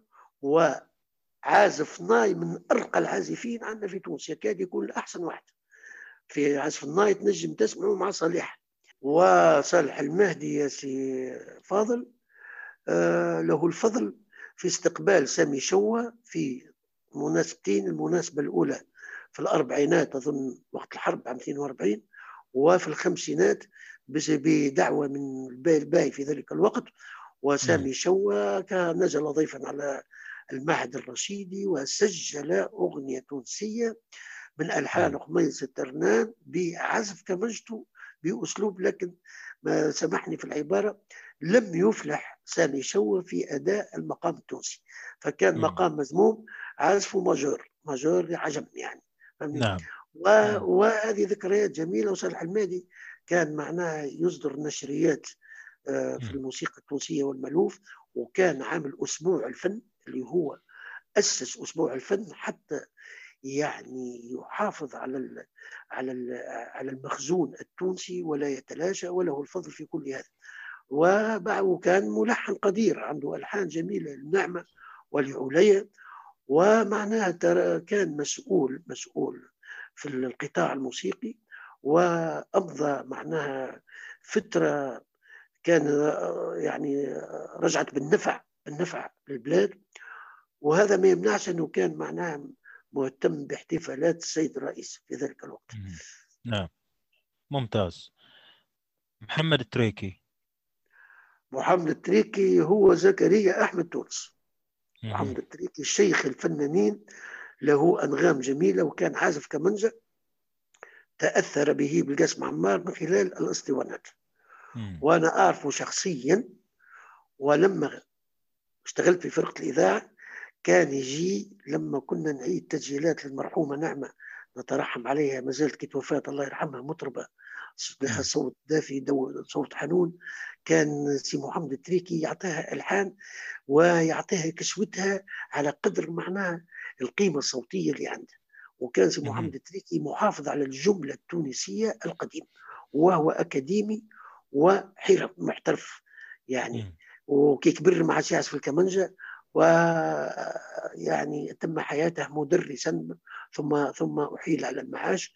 وهو من تونس العاصمة وصاحب ذوق رفيع رحمه الله خلى ألحان جميلة. التريكي جميل. الله جميل. طيب آه، الطاهر غرسة. آه طاهر غرسة كما أسلفنا سي آه، فاضل. طاهر غرسة هو أب من أبرز تلاميذ خميس ترنان. ويمتاز طاهر غرسة بشيئين شيئين جميلين. الشيء الأول هو أنه حافظ على العود العربي. آلة العود العربي هي العود التونسي العربي يختلف عن العود الشرقي. يعني فيه أربع أوتار بس وشكله مش كما العود الشرقي.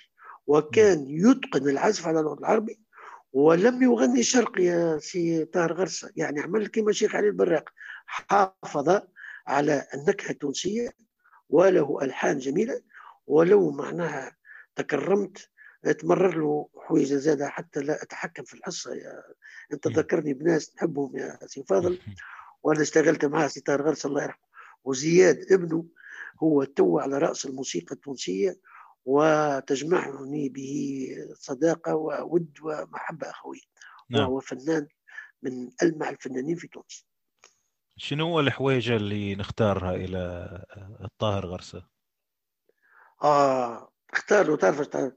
ثم ثم ثم فوندو إحنا نقولوا كلمة فوندو الفوندو هو حاجة قديمة يعني مشتقة. من من مشتقة من إما من نوبة ملوف إما إما من من حاجة قديمة خاطر الأسماء. تختلف والمسميات تختلف من تونس إلى مصر إلى لبنان إحنا. الفوندو هو هو الحاجة القديمة ليس لها ملحن ما عندهاش. ملك فولكلور. عديله. هذه من تلحينه هو. لا محالة مم. مش فوندو لكن من ألحانه.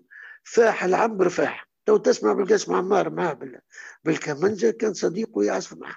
من أجمل مم. ملحن طاهر غرسة فاح العنبر فاح.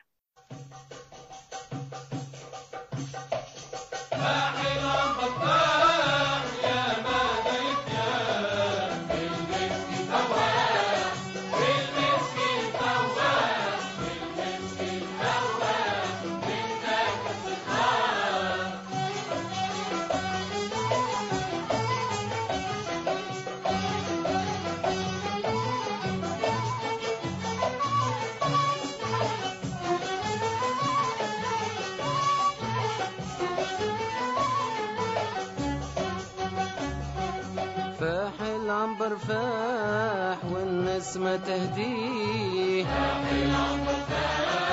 والزين الوضاح فل المحضر بيه. يا ليلة الملاح قلبي يرفق بيه. داويني نرتاح داويني داويني داويني نرتاح. وابعث لي بجواب. فاح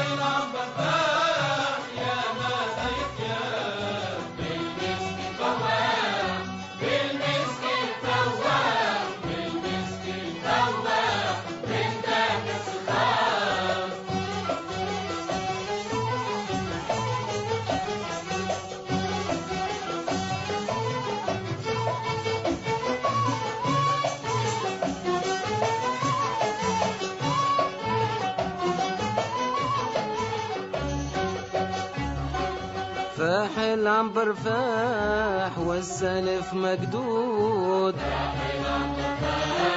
وشبحت التفاح في عكرين خدود كادتني الأجراح وما بلغت المقصود. سحروني الأشباح سحروني سحروني سحروني الأشباح. ما دلت صواب فاح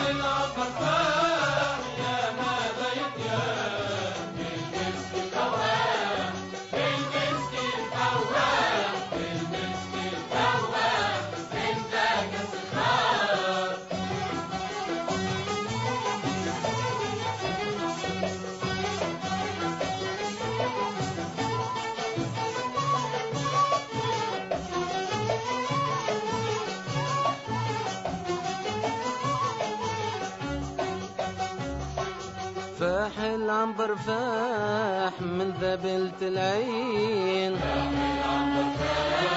والبرق اللماح شير فوق جبين رد الليل صباح وزهى الحفالين. يا قد المرجاح يا قد المرجاح يا قد المرجاح. قلبي خوي الكذاب. فاح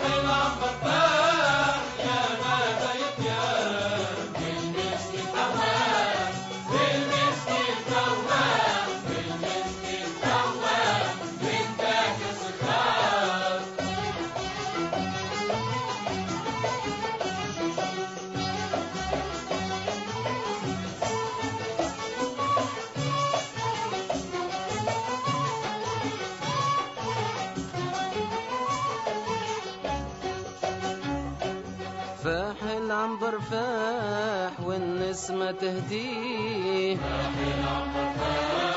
والزين الوضاح فل المحذر بيه. يا ليلة الملاح قلبي يرفق بيه. داويني ارتاح داويني داويني داويني نرتاح. وابعث لي بجواب. فاح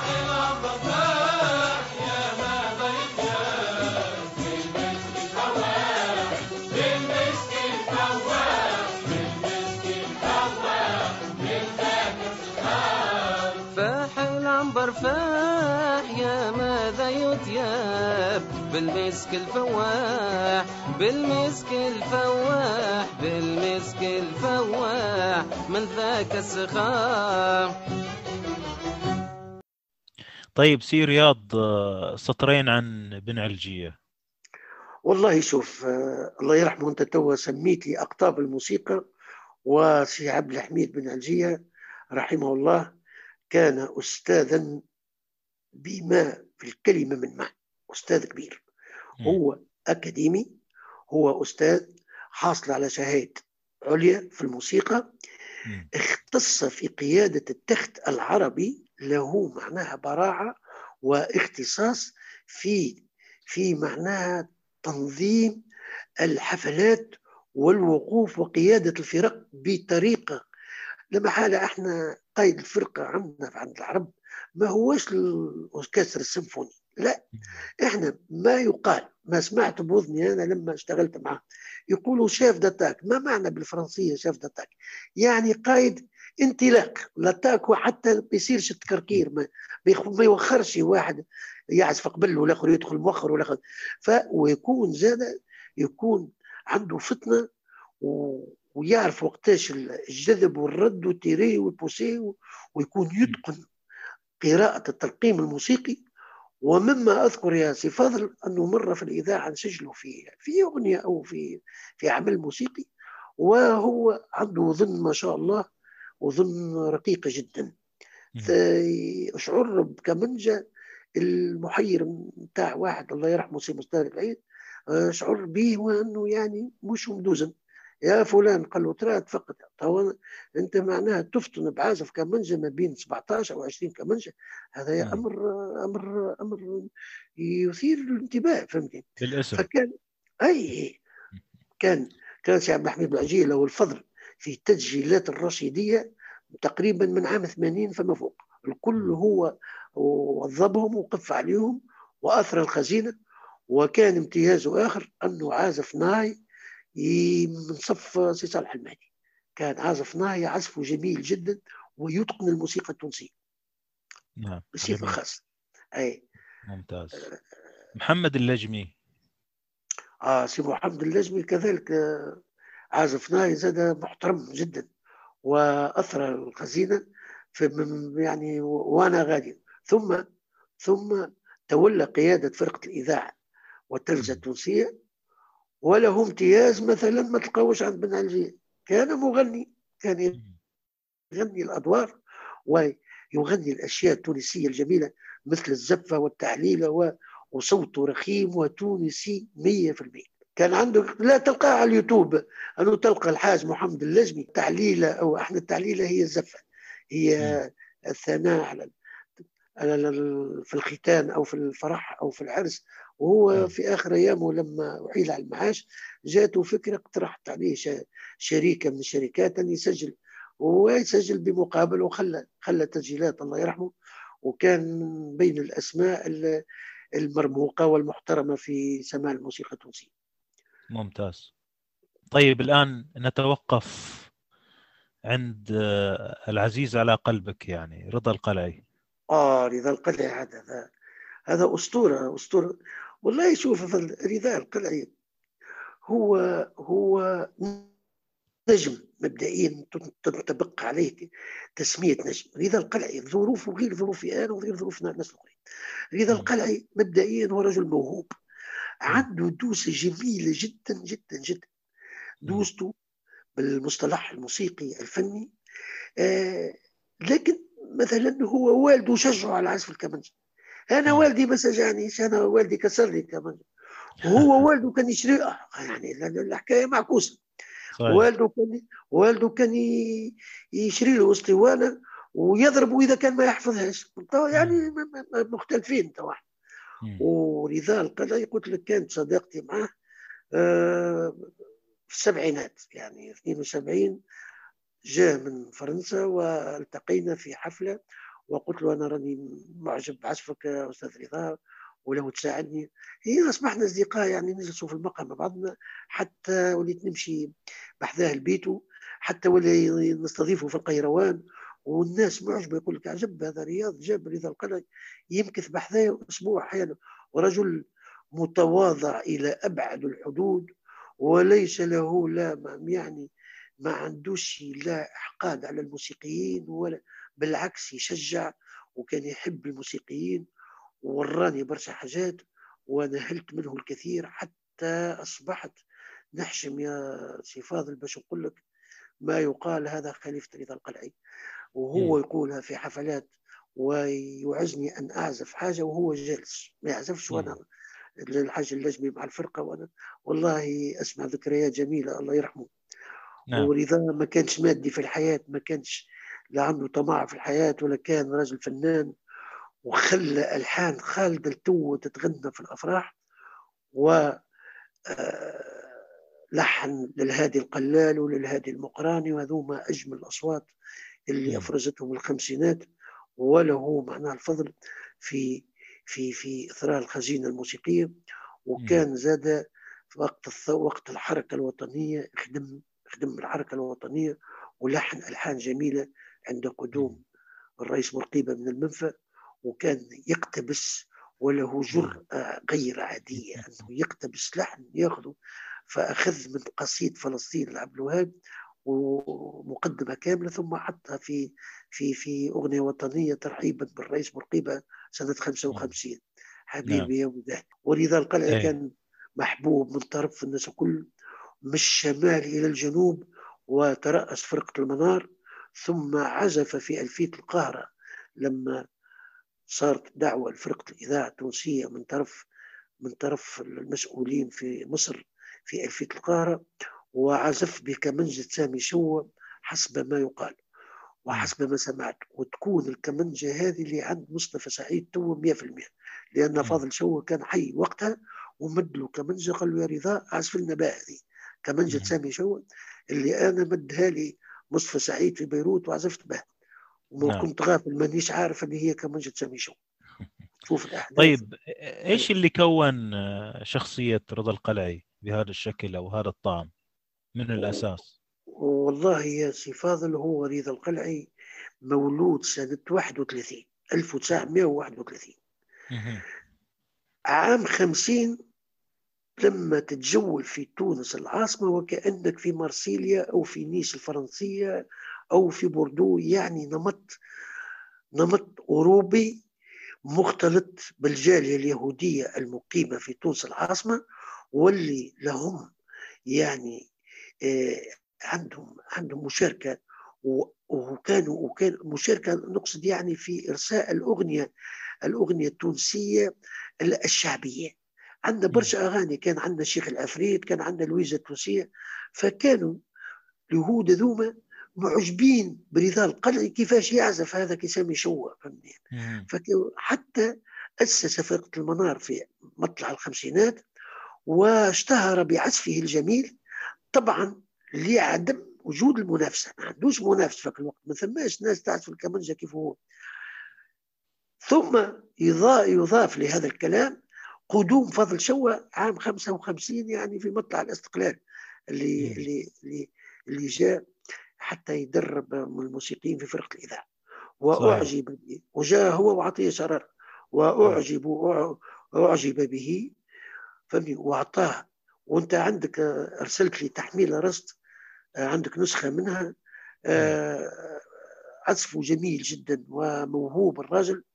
ثم تلقى تلقى النظريات على على الإيطاليين في ذلك الوقت في معهد الموسيقى. كان عندنا معهد موسيقى لازال لازال موجود إلى الآن. وتلقى ال méthode والعزف على واحد إيطالي اسمه نيكولا بونورا. هذا ما لا يعرفه الشباب تو هذا التوارخ هذه أنا عرفتها في تونس وهو حكى لي. كان واحد اسمه بونورا علمهم الكل. علمهم الترقيم وعلمهم ال méthode مثل بن علجية مثل رضا القلعي مثل عبد الرزاق الصباغ إبراهيم المناع هذه أسماء قديمة. لما نعم. دخلت في الإذاعة معناها اشتغلت معاهم وغلطت وكان معي بشير سالم تو بشير يعرفهم واحد واحد. نعم. الله يرحمهم أغلبهم توفوا. فرضا القلعي وعاونته الحركة الوطنية. كان يتجول في الجمهورية ويقيم الحفلات في في يعني في المناسبات الوطنية مثل غرب تجوان وعيد الاستقلال وعيد النصر وإلى آخره حتى انتشر اسمه كالنار في الهشيم في في في في, في, في أرجاء الجمهورية التونسية ولم يكن هناك تلفزات يعني يسمع رضا عن طريق الإذاعة. ويسمعوا. وإذا مشى يعمل في حفلة الناس بالصباح تبدأ تستنى فيه. آه رضا القلعي جاي. ولكن لم تكن الدنيا همه ولم يكسبوا تبارك الله خلى رجال وخلى أولاده خلى دكتور اسمه رياض وخلى هشام وهم التو وأنا على اتصال بهم وهم يعتبروني عمهم ويعرفوني نحبهم وأبوهم يحبني رحمه الله رحمة واسعة. نعم. وأثر الأسطوانات على على رضا يعني هو جاء في وقت مبكر هذا عز الأسطوانات. والله يا سي فاضل رضا القلعي مثلا مما اختص به أنه كان عنده قدرة على استنساخ الاسطوانه يسمعها يعودها بالضبط. مما أذكر أن كان الله يرحمه عبود عبد العال كان يجينا في حفلات في الستينات. أنا مانيش حاضره ما حكاوني قالوا عبود أعجب به في في في, في الدوسة. قال قال ما ما أجمل عزفه الرجل هذا. كان يبدا يبحث عليه في في في لفايات لفايات هي حي يعني يجتمعوا فيه الموسيقيين والمقاهي الموسيقية إلى آخره. ومشى له وحب يتعرف عليه هو راجل راجل يعني هذه الطبع ما يتكلمش برشا ما آه، يضحك ولكن نسيت ما قلت لك شيء. راهو مؤلف أغاني كذلك. صحيح. والله يا فاضل ثم ثم أغنية. الرضا القلعي تلحين لحن وكلمة. اسمها يا دار الحبايب قل لي قل لي رحلوا فين. وحشني اللي باعد عني السنين هذه من غناء لهذه القلال وفيها تقسيم كمنجة كاملة لأن في اليوتيوب التقسيم محذوف. نعم للأسف. أغانيه كثيرة. يا بنت الفلاح منيرة سميرة عنده أغاني عديدة عديدة جدا جدا. المستمعين الإنترنت عندهم يبحثوا عن القطع الكثيرة لرضا القلعي سواء كانت آلية أو آه، أغاني أو مقطوعات. عنده جربة قطعة موسيقية اللي كان سبب في شهرتي أنا عنده زرزيس جرزيس. هي اسم مدينة وجربة اسم مدينة. نعم. وكان يقلد عبد الوهاب في تسمية القطع كان عبد الوهاب يسمي ليالي لبنان. هو عنده قطعة اسمها ليالي دار البيضاء وليالي تونس. وهكذا يعني ليالي كذا فكان متأثر بعبد الوهاب وكان يعشق عبد الوهاب إلى درجة عالية جدا. طيب. أستاذ رياض أخ رضا القلعي. أحمد. آه أحمد القلعي هذا توجه موسيقي آه، متفرد يا يا سي فاضل. هذا عازف ممتاز ممتاز جدا. أخجل أن أمسك العود أمام. أحمد القلعي شخصية موسيقية تونسية خلى بصمة ولم يقلد غيره واستنبط أسلوب عصري واستنبط دوزان دوزان جديد لم يأتي به المشارقة كان يعمل ال- الوتر الوتر الرابع الوتر الرابع عوضا يعمل عشيران يعمل سي بيمول وهذه أمور تقنية حتى حتى يتمكن من عزف الحجاز كركردي والحجاز كار يعني بطريقة آه،. سهلة وبمساحات أجمل. ممكن هذا. ما نعرفش على خاطر توا اذاعيا ما نجموش نفسروه. فأحمد بالعكس بالعكس كمل يا سي رياض. والله شوف الوتر الرابع الوتر الرابع هو عشيران. لا. مم. لا. لما نطلعوها سي بيمول تولي الدو تتاخذ بالإصبع الوسط. ما عادش نعم. باللي بجنبه يعني هي تقنية تقنية آه، حديثة لقى فيها راحته. جربناها إحنا. ما يعزفوش بها العواجيل الكل. مش الناس الكل يعرفوها. مثل مثلا رضا القلعي كان يعزف كان يعزف دوزان الكردان. كان يعزف دوزان التركي هذا مم. أنا خذيته عليه توا. الكمنجاتية ما يعرفوش الكردان ما يعرفوش اللي اللي ما بلغ إلى علمي أن عبده داغر يعزف كردان مثلا صحيح. فهم الحفناوي رحمه الله طول حياته يعزف كردان يعزف فهذا هذه اجتهادات لا محاله ونعود لأحمد القلعي. أحمد القلعي نجح في عزف العود ولم ينجح في التلحين. كان مم. ملحن وعنده إنتاج غزير لكن ما تعاملش مع مطربين كبار. هذا من ناحية. وحياته الشخصية هي اللي أثرت عليه. آه وكان وكان أحمد القلعي مثلا آه مختص في كتابة النوتة. كان أي ملحن يلتحق به للترقيم كان ما شاء الله. وكان عنده أذن موسيقية رهيفة جدا جدا جدا. نعطيك. مثال صغير. ويحب النكتة كان صاحب نكتة. حمد القلعي لما نحبه ونعرفه. درجة. نضربه على كاس مثلا كما هكا. هاش نقرب لك. مثلا. نعمله هكا. إذا نعم. عملنا كيك الزعم شنو هذه يقول لك هذه فا مشمره طريف هذه la bémol راجل عنده يقظة سمعية رهيبة جدا جدا راهو شيء يدوخ آه تضرب له على طاولة يقول لك هذه do طالعة هذه do هابطة هذه la. آه رجل عظيم. مم. ومسكين توفى معنا ولم ومقص وقصرت ال- ال- ال- الجهات المسؤولة في في يعني في في نشر أعماله. مم. إي ما من المفروض من المفروض الناس هذم يهتموا بهم ويذكروهم و... تو أحمد القلعي ما يذكروا حد والله شيء مؤسف يا, لا سيدي. معروف أحمد القلعي الآن في في العالم وفي الإنترنت. تسجيلاته موجودة على اليوتيوب. إي وكان نعم. أستاذ وكان يا سي فاضل أحمد القلعي يقري في المعهد العالي للموسيقى. وعمل حاجة ما عملها حتى حد هو باش نقول لك عليها يفهموها أهل الذكر. سجل سماعي سماعي راس الذيل بسبع طبقات. نعيد لك. السلم فيه سبع درجات نعم الراجل من البراعه نتاعو في التصوير ينتقل من درجة إلى درجة ويعزف ويعزف نفس السماعي هذه عرفتها وأنا في الاذاعه. هل هل هذا التسجيل. إحنا حتى لا نقطع الأمل ما زالوا البعض آه، ما زال البعض من من اللي عاصروه ما زالوا حيين وثم اللي توفوا ما نعرفش انت سمعتش آه، لو كان خالد بشا الله يرحمه متوفى من من تقريبا 20 يوم أو شهر الله يرحمه لو كان خالد اي تعرفوا خالد بس حكيت لك يعني توفى. مسكين.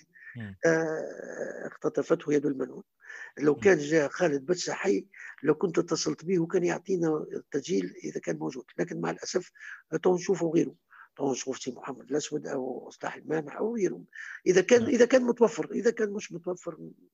الله غالب آه سي رياض آه نعم. علي علي سريتي آه علي السريتي الأستاذ الكبير علي السريتي رحمه الله كان من بين الأوائل والشخصيات الموسيقية التي معناها تذكر أي أينما معناها يصير محفل موسيقي أو مؤتمر أو فهو عرف بعزفه المتقن على آلة العود فاضل هذا. راجل عواد ممتاز آه علي السريتي من الرعيل الأول باعتبار سنه وهو في الواقع مولود في تونس من جذور جنوبية يعني من جنوب تونس. ومولود في تونس العاصمة في حي حي راقي في نهج الباشا مولود هذا النهج. نهج مليء بالأتراك وبال وبالمعناها الهندسة التركية والبيوت التركية هذا معناه تابع التاريخ. فعلي السريتي فتح عينه في في حلقات فنية وكان صاحب ذوق رفيع وأذن رهيفة يعني. موسيقية واتجه حبه لآلة العود وميله للعزف واختص في عزف العود. لم يلحن صحيح ما لم يترك على السريتي ألحان أو أعمال فنية تذكر. واشتغل مع مطربات ذلك العصر أمثال فتحية خيري وشافية رشدي والهادي جويني وعلي الرياحي لكن ما يعرف عنه أنه شرقي لا يميل إلى الموسيقى التونسية وهو يتحفظ ما يحبش يقول أنا راني ما نحبش الموسيقى وما سمعناهوش يعزف التونسي علي مم. السريتي وكأنك معناها جبت راجل من من تركيا أو من إسطنبول عزفه تركي راح لباريس في الخمسينات اشتغل مع أتراك مم. كان ثم حاجة مهمة زي ما نقولوا عليه اللي خلاه اللي خلاه يتمتع بسمعة بسمعة طيبة وسمعة يعني فايقة أنه كان مستقيم في حياته الخاصة آه، رغم ما تع- ما تعرف المجال الموسيقي والسهر والمطاعم والواحد. يعني كان فيها للمجون وكان فيها. للمشروبات وغير هذا نعم لم يكن على سريته من هذا الصف فكان رجل ورع. مصلي نظيف لما. تقترب منه تجتمع تجتم رائحة طيبة ذكية وكان معناها بليغ في الحديث. وكان محب جدا لسامي الشوة ول- وكانت له صداقة مع عبد الوهاب بالصدفة وكان في باريس يشتغل في مطعم راقي. وعبد الوهاب يعني جاء لدعوة ذا سنة 37 وكان نعم. صغير السن في ذلك الوقت علي السريتي. مم. السريتي مولود عام 1918 وفي. سنة 37 التقى بعبد الوهاب في باريس واستدعاه عبد الوهاب إلى النزل وتجاذب مع أطراف الحديث وأعجب بعزفه. حتى مم. أن يا سي فاضل ثم حادثة مذكورة مذكورة هي ما ما يقال أن بنته آه، مم. ابنة علي السريتي في سيرته الذاتية ذكرتها ونزلتها على الإنترنت أنا ما أما أنا نعرفها في ذاك الوقت في الصحف والجرايد مم. فعبد الوهاب رحمه الله آه، سأله قال له أنت تغني قال له أنا أغني يا أستاذ فمسك العود وقال له أنا حغني لك آخر آخر ما طبعت لك شركة الأسطوانات بيضافون في مم. ذلك الوقت يا. ناعما رقدت جفونه وغنى نعم هاله وأعجب به عبد الوهاب لكن عبد الوهاب أجابه بطريقة أخرى قال له. هذه بضاعتنا ردت إلينا نعم أنت لابد أنك تغني لي حاجة تونسية إن شاء الله تطلع تحفظها وأنا أعشقها جدا وهي. أغنية قديمة من الفندوات القديمة في تونس من التراث. يعني نعتبرها بسيطة لكن عند عبد الوهاب ليست بسيطة. إيه. أغنية العشاقة العشاقة هذه يا سي فاضل بصوت شافية رشدي.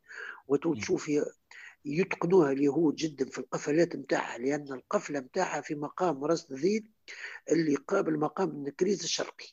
نعم. ومقام النكريز غير ما ترقلوش الملحنين كل عبد الوهاب لحن فيه سجل ليل في في. أوبريت في أوبريت قيس وليل إي نعم بالاوبوا واستعمل الأوبوا لأن مقام هذا ال- النكريز ضيق يعني ومساحاته ضيقة لكن عندنا إحنا نقابله مقام راس ذيل مقام يعني جميل جدا مؤثر وأنا عملت فيه تقسيم في قطعتي اللي عزفتها في مسرح البلدي يسرى يمكن مم. كانت تحب تجبدها ولا تتمرر منها بعض الشيء. لكن اللي أهم من هذا أنه عبد الوهاب اقترح على السريتي باش يغني له العشاقة نعم وغنى له هذه العشاقة ولما يخلق للقفله قول الله يرحمه سي علي السريتي يقول نعم. يحط إيده على على جا على قلبه يعني على الجانب مم. الأيسر إيه. ويقول الله الله يعني يعني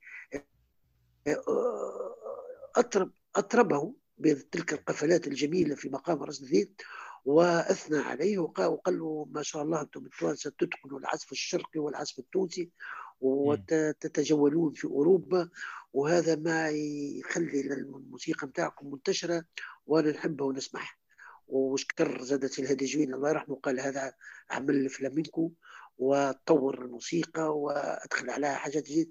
بحيث رجوعا لسعد السريتي. سعد السريتي كان عازف عود وقبل أن يحال على المعاش سمي رئيس مصلحة الموسيقى بالإذاعة التونسية وإحنا اشتغلنا معه وكان يتقن الأدوار ويتقن اللغات ويتقن الارتجال والبشرف وكان دائما يحكي ويتحدث عن القصبجي وعن رياض الصباطي وعن سامي الشوا وعلي الرشيدي وكان حديثه يدور في في الناس هذوما واعجابه بهم وتاثره تأثره بهم. جميل. أي هذا علي السريتي رجل عظيم إيش أحلى شيء نسمعه لعلي السريتي من عزفه يعني والله يا سي قلت لك هو. مع الأسف لم يوثق ولم مم. يسجل الكثير لكن علي السريتي نجم نسمعوه في مثلا قبل أن يتوفى أسس أسس فرقة آه، فيها يعني مشتملة على نساء ورجال وعازفات وعازفين و معناها في البارون دي لونجي هذا هذا. مقر معناها في تونس نعم. في تونس العاصمة مم. نجم من, الانترنت عنده تسجيلات تاخذ له تاخذ له أي حاجة على تقسيم عام عنده تقسيمات عنده تقسيم بياتي موقع مع ليلى حجيج ومع معنا فرقة موسيقية. غنيه وفيها عازفين مرموقين وممكن تختار له على خاطر مش صعيب تنجم تدخل في الانترنت وتلقى له أي حاجة ممتاز ممتاز؟ طيب ننتقل إلى أحد آه، الأعزاء على قلبك بالقاسم عمار. آه سيب القسم عمار هذا رجل عظيم والعظمة لله. الله يرحمه. كان كان كان معناها آه، هكا طيب المعشر وما يقول إلا الكلمة الباهية يعني كلامه يشبه عزفه وعزفه مت- متميز قوسه ما يشبه حتى حد يا سي فاضل والله شيء عجيب. هو أصيل مدينة الكاف هذه مدينة الكاف مثل ما سبق أن معناها وصفت لك إيه. بدري ومدينه الكاف هذه في حدود ما بين في الحد الجزائري بين تونس والجزائر وهي ولاية ولاية كبيرة مدينة الكاف يعني وتنتج الحبوب وفيها وفيها خيرات معناها ولكن هذه مدينة الكاف آه، تعرفت بانتاجها للمسرحيين والموسيقيين منهم سيب القاسم عمار الذي كان على صداقة وص... معناها صداقة مع رضا القلعي يعرفه هو أكبر منه شوية سيب القاسم مولود عام 25 ورضا عام 31 وكان يشتغل ساعي بريد تابع لما لوزارة البريد والبرق والهاتف في تونس في ذلك الوقت. مم. يعني كان ساعي بريد وش به هذه مهنة محترمه نعم. وكان يشتغل في الليل في الحفلات ويعيط له رضا القلعي يكلفوا بعض حفلات إلى أن سي رضا القلعي طلع سي شاذلي القليبي آنذاك هذا كان مدير الإذاعة الوطنية وعرض عليه قال له يا سي شاذلي إحنا فرقة الإذاعة فيها شغور وثم عازفين ماهرين قاعدين يتجولوا في يعني برا خارج الإذاعة فلا قال له ما فيها بس نجم نستدعوه وينضم إلى فرقه الإذاعة إلى أن أصبح رئيس الفرقة الثانية. ورجل عنده عنده ما شاء الله حافظة. هو كان لا يحسن قراءة الترقيم ما تعرفش به عصامي. نعم لكن يقود الفرقة وعزفه جميل جدا ومختص في الموسيقى التونسية.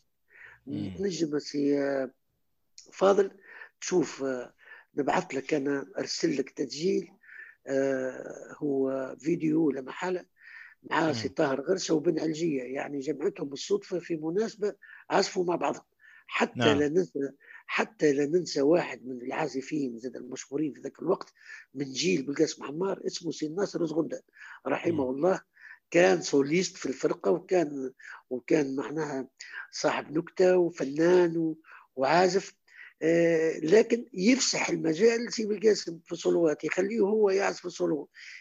كي يقدروا يقدروا لأن بالقاسم مختص في الجملة التونسية الحراقة. وبالقاسم ما كانش ملحن كان عنده قطعتين أو ثلاثة واعتنى بالفرقة الثانية في ذلك الوقت وكنت أنا نترد عليه ونسمع ونقلده أنا وبشير السالمي كنا نقلد مصيب القاسم في العزف بتاعه وكان يفرح ويرحب بينا ويقول يعطيكم الصحة واشتغل الكثير مع سي طاهر غرسة هو أغلب تسجيلات طاهر غرسة كان معاه سي بالقاسم عمار نعم. توفي بمصر العاصمة رحمه الله تقريبا عام 80 أو نعم. 82 في ذلك الوقت هذا ممتاز. الناس ما ما عادش يتخلفوا ما عادش يتعاونوا إحنا عشنا معاهم ونعرفوهم سي نعم فضل هو باش يغني سي طاهر غرسة فوندو ملوف في في في في في, في مقام الإصبعين اللي قابل مقام الحجاز الشرقي وتسمع سي بالقاسم عمار في تقسيم جميل جدا ويجاوب يجاوب الطاهر غرسة وتشوف سي طاهر غرسة كم هو أمين في تبليغ الجملة التونسية الحراقة التي فقدت في هذا العصر مع الأسف. جميل. نعم. قدور الصرارفي؟ آه قدور الصرارفي هذا هذا متميز يا سي فاضل. قدور هو قبل الجماعه هذوما كل قدور الصرارفي يكاد يكون من من عمر من سن سي بالقاسم عمار إلا أنه أصيل تونس العاصمة والآخر دخل تونس العاصمة من بعد. السي قدور الصرارفي يكاد يكون العازف الوحيد الذي احتفظ بالأشكال التونسية الصميمة. إيش إيش نقصد أنا بالحديث؟ لم يكن بارعا في عزفه. ما كانش بهلوان كما رضا القلعي. وهو أستاذ رضا القلعي. لأن. رضا القلعي يشهد يقول أنا أغلب أغلب أغلب يعني البراعات نتاعي والعزف نتاعي راني تعلمته الأشكال كلها اسمها خذيت على سي قدور. وسي قدور الصرافي كان كان قبل قبل ما يعزف الكمنجه شوف الوضعية هذه ما تفرد كان ينضم إلى فرقة نحاسيه قبل الوترية ثم. انتقل انتقل إلى ممارسة العزف الوتري على آلة الكمنجة والرباب. عندنا آلة الرباب. في الشرق يقولوا الربابة إحنا نقولوا الرباب مم. ولما عزف في الكمنجة كان يعني حريص جدا على تبليغ الأشكال الصحيحة. هذا ما عرف عنه. أنا بيدي خيت عليه وعنده عزف جميل يا سي فاضل. نجم زاد تمرر له حاجة حتى الناس تعرف قيمة قدور الصرافي في ذلك الوقت. والوحيد يكاد يكاد يكون اللي كان يمارس الموسيقى والرياضة وكان وكان بطل في العدوى في العدوى السريعه على ما أظن هكا سمعت عليه كان مشارك في نادي في الرياضة في العدو وثيقة دوره أصيل أصيل ببسويقة ولد ببسويقة من تونس هذا حي عريق. و... وكان يستعين به سي صالح المهدي في المعهد المعهد العالي للموسيقى في توثيق معناها التراث. كان ينوت يكتب يرقم بالترقيم الموسيقي كان ثابت يعني مختص في كتابة الترقيم الموسيقي. هذا من ناحية. وكان عزفه جميل وتنساه في مدة في مدة من مدة يعني في وقت من الأوقات لم لم لم يذكر لأنه انتدب في إذاعة الجزائر معناها. رئاسة قسم الموسيقى في في الجزائر غداة استقلال الجزائر عام 61 فرضا القلعي آه، خلا له الجو في ذلك الوقت ومعناها ما أسس فرقة المنار باش تشوف الظروف الملابسات كيفاش كانت. هذه توارخ سي فاضل. نعتز بها أنا لكن مع الأسف الجيل هذا ما يعرفهاش وأنا بحكم سني كبيت على الأمور هذه اعتنيت بها كان همي الوحيد ما عرفت معناها تواريخ الموسيقيين وكيف انطلقوا وكيف عزفوا ومعا عزفوا. نعم. ولعلمك وأن في تلك الفترة كانت نهضة فنية في تونس لا مثيل لها مهم. كانت لوردا كاش تجي تغني في تونس وكان شفيق جلال يجي يغني في تونس وعبد المطلب يعني غداة الاستقلال كانوا المشارقة الكل يتلقون الدعوات من السلطات التونسية وتقام الحفلات في. في القاعات التونسية وفي المسارح الشيء والافلام المصرية تجينا ما أنا منين نعرف؟ منين نعرف إبراهيم حمودة؟ ومنين نعرف عبد السروجي؟ ومنين نعرف عبد المطلب؟ ومنين يعني يعني نهضة فنية خلتنا نهتم بها ونحفظ الأمور هذه ساعتها أكثر من المصريين. واحمد الحفناوي والحريري وعبد صالح هذول نعم. كلهم جاوا تونس ام كلثوم صحيح إلا وفي برضو شيء آخر أن المصريين انتقلوا إلى إلى تونس مثلا سيد شطة والله يعطيك؟ الصحة يعطيك الصحة بارك. الله فيك عندنا يا سي فاضل ثلاثة مصريين من أكبر الأسماء ال- والمجموعة الأخرى يعني أو شو نقول. لك عندنا عندنا السيد شطة هذا اسم كبير في ذلك الوقت جاء في حالة نفي على ما يقال يعني منفي من طرف السلطات ال- الاستعمارية الإنجليزية في ذلك الوقت في سنة مم. 20 أو سنة 18 واستقر بتونس العاصمة وتم إدراجه في الإذاعة التونسية لما نال تونس استقلالها. ثم ثم يأتي لتونس الأخوين أمين حسنين وياسين حسنين. نعم. و- ويستقرا في تونس العاصمة وهما معناها مدفونان في في مقبرة الجلاز في تونس وخلفوا أولاد وأنا نعرف واحد من أولاد أمين حسنين كان يكري في في مضخمات الصوت لما كنت نشتغل في تونس هذم معناهم. الأسماء البارزة في في في سماء وال- والمغنى الشرقي في ذلك الوقت هي نعم. تصديق الحديث وأن المصريين كانوا يجون يجون لتونس. نعم. ولا وحتى لا ننسى المطرب القيرواني الشهير الساد قثرية ما نعرفش أنت نعم. برمجه ولا لا. لا تفضل. تفضل آه الساد قثرية ما قلت لك فاضل إحنا قيروان أفرزت أسماء أسماء عديدة آه، خلدت يعني في سماء الإنشاد والقراءات والأغاني. كان اللي يراه في روحه الكفاءه ينقز لتونس كلمه ينقز معناها يتحول. هذا السيد قثرية ما عندوش إنتاج غزير لكن طباع عنده بصمة.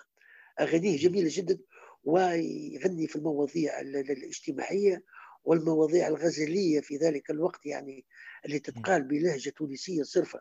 هو أصيل القيروان سي سيد وأنا اشتغلت معه. نعم. رجل رجل فاضل رجل مثقف نظيف آه، صاحب ذوق وكان يلحن ألحان خاصة ما تشبه حتى العد. منهم لو نقترح عليك تعدي له أغنية يقول فيها من توا خير يا حوا أما أنا ولا هو؟ شوف الكلام محلاه هو يخاطب في آه. نعم. من توا يعني من من الآن. توا إحنا كلمة توا في تونس معناها من توا. توا. يعني اللحظة هذه. صحيح. من توا. خير يا حوا اختاري يا حوا. مم. أما يعني شفت شفت. الأسلوب السلس السهل مم. الممتنع الذي يفهمه معنى الشيخ والشاب والمرأة والمثقف وغير المثقف. وهذا ما كانش يقول هو الكلام. حتى نعطي لقيصر ما لقيصر. كان مؤلف أغاني اسمه عبد الرزاق كرباكا آه، جذوره أندلسية آه، كان عنده عنده شعر جميل جدا منهم هذه الأغنية هذه وعنده أغاني عديدة وكان سي أحمد خير الدين زاد شاعر غنائي. اللي كان يتعامل مع خميس ترنان وصالح المهدي. وسي سي فاضل الحديث يطول في هذا المجال.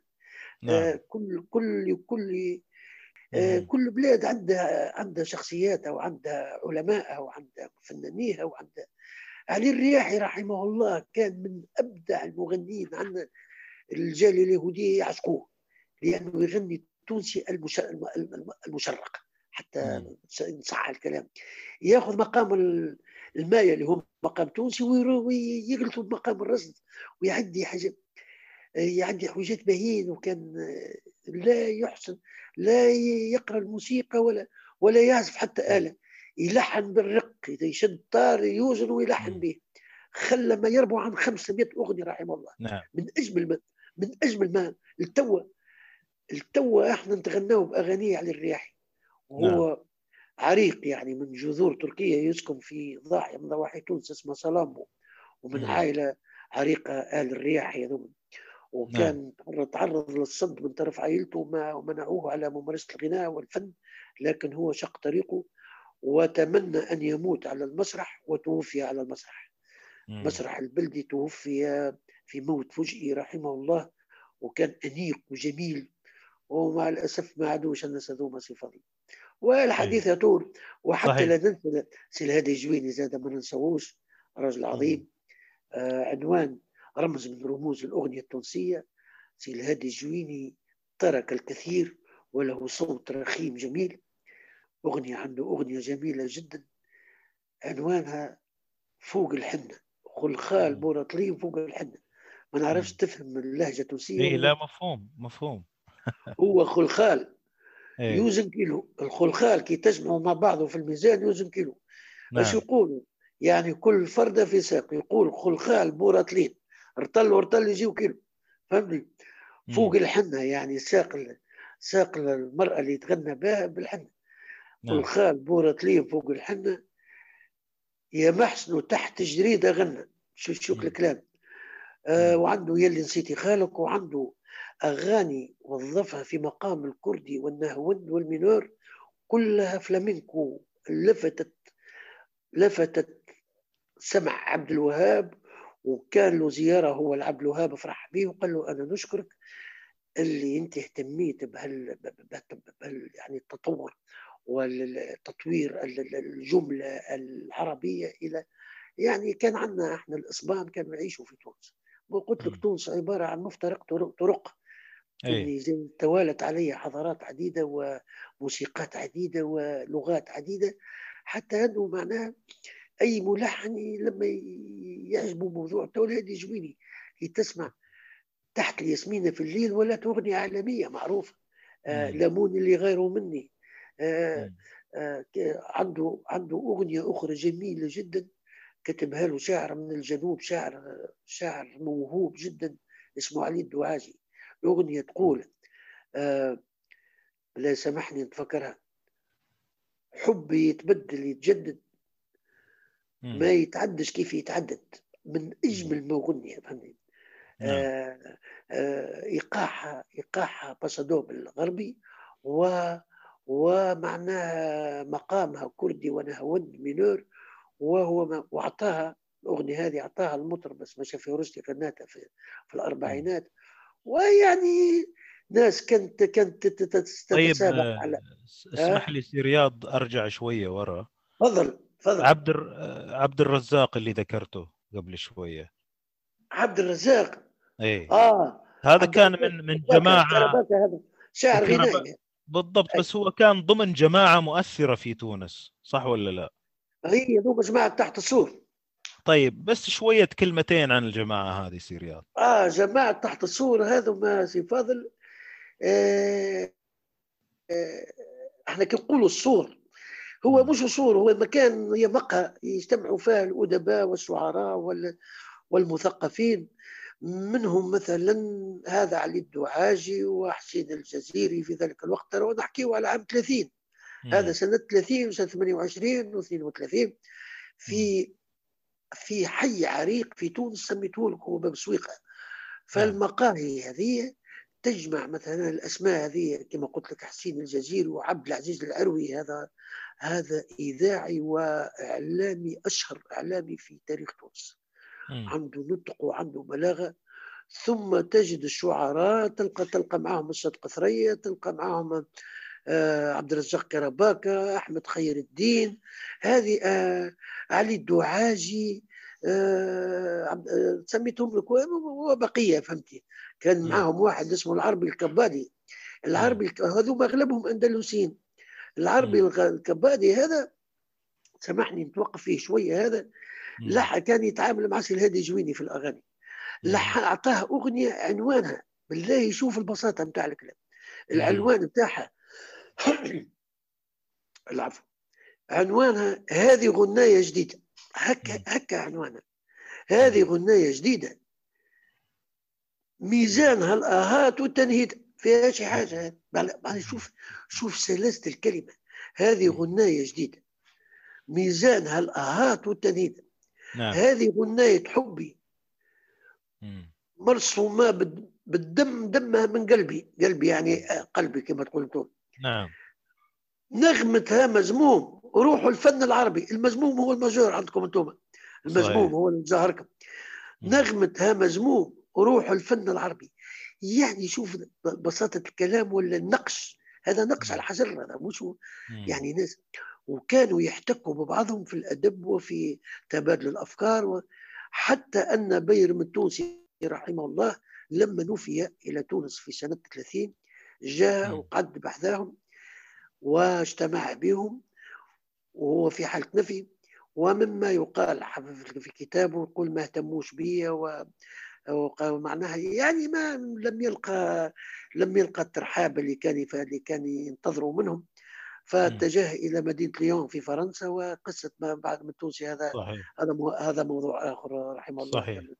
صحيح يعني سي رياض يعني أنت تربط الأشياء ببعض وتذكر تواريخ قبل ميلادك يعني يعني تواريخ قبل. ميلادك وأسماء وشخصيات وأحداث قبل ميلادك كلها مسموعة. من ال- والله مم. بكل تواضع سي. فاضل كان همي الوحيد حبي للفنانين و والفن والشعر والأدب و... يعني هذا ما كنت أهتم به ما نعرفش علاش لأن جيت نبحث نلقى جدي من الأم كان كان كان مغني. كان مغني. يعني يرتجل ال- ال- ال- الشعر الشعبي في الأفراح اسمه أحمد الضيف. و- و- يعني جدي من الأم بو أمي. حتى سألت أخوالي قلت لهم منين جاني هذا دار عبد الله؟ ما ي... ما عندهمش موسيقى. قالوا لي جاك من جدك. يعني بالوراثة. وأنا لا نعم. أؤمن بالوراثة ما ما ما- ما في ما- ماشي صحيح. الله أعلم. الله أعلم. طيب خلينا نروح على محمد الجموسي. آه محمد الجموسي هذا هذا يمثل جنوب تونس يمثل مدينة صفاقس و آه رحمه الله سي محمد الجموسي يا فاضل عمل كيما سيد قطرية. من صفاقس تنقل إذاعة تونس. هذا يعني في سنة 45 تقريبا. و- وانتقل إلى تونس وفرض فنه وألحانه وهو شاعر. شاعر نعطيه حقه شاعر بالعربية وبالفرنسية هو مثقف باللغتين. لم يكن يحسن الإنجليزية على خاطر إحنا الإنجليزية هي لغة. ثالثة عندنا الفرنسية هي ثانية نعم. باعتباره فكان شاعر غنائي وملحن وعازف عود ألحانه من أجمل ما تس ما تسمع. لكن صفاقس لم تنتج بعده يعني ما ما أفرزتش الناس كيف هو. ثم واحد من صفاقس آخر اسمه سي محمد النوري. فنان غول يعني اختص في الأغاني الشعبية التونسية القديمة وثم سي علي شلغم زاد من صفاقس بعد هذوما ما ريناش ناس آخرين بكل مع احترامي لكل من. يمارس الموسيقى في صفاقس وهي مم. هذه صفاقس المدينة الثانية في تونس نعم، يعني جميل. الاقتصادية اشتهرت بالفوسفات وبالتكرير الفوسفات وبالصناعات وبالمعامل آه،. من فنانين بتاعها قلائل ما هماش برشا.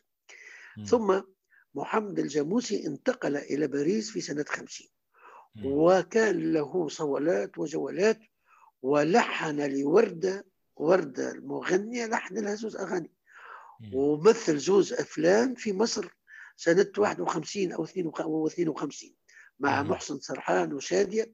غنى غناية جميلة جدا في مقام الحجاز ثم غنى أغنية أخرى في مقام المزموم وقدموه المصريين قالوا هذا الفنان التونسي محمد الجموسي في أغنية تونسية.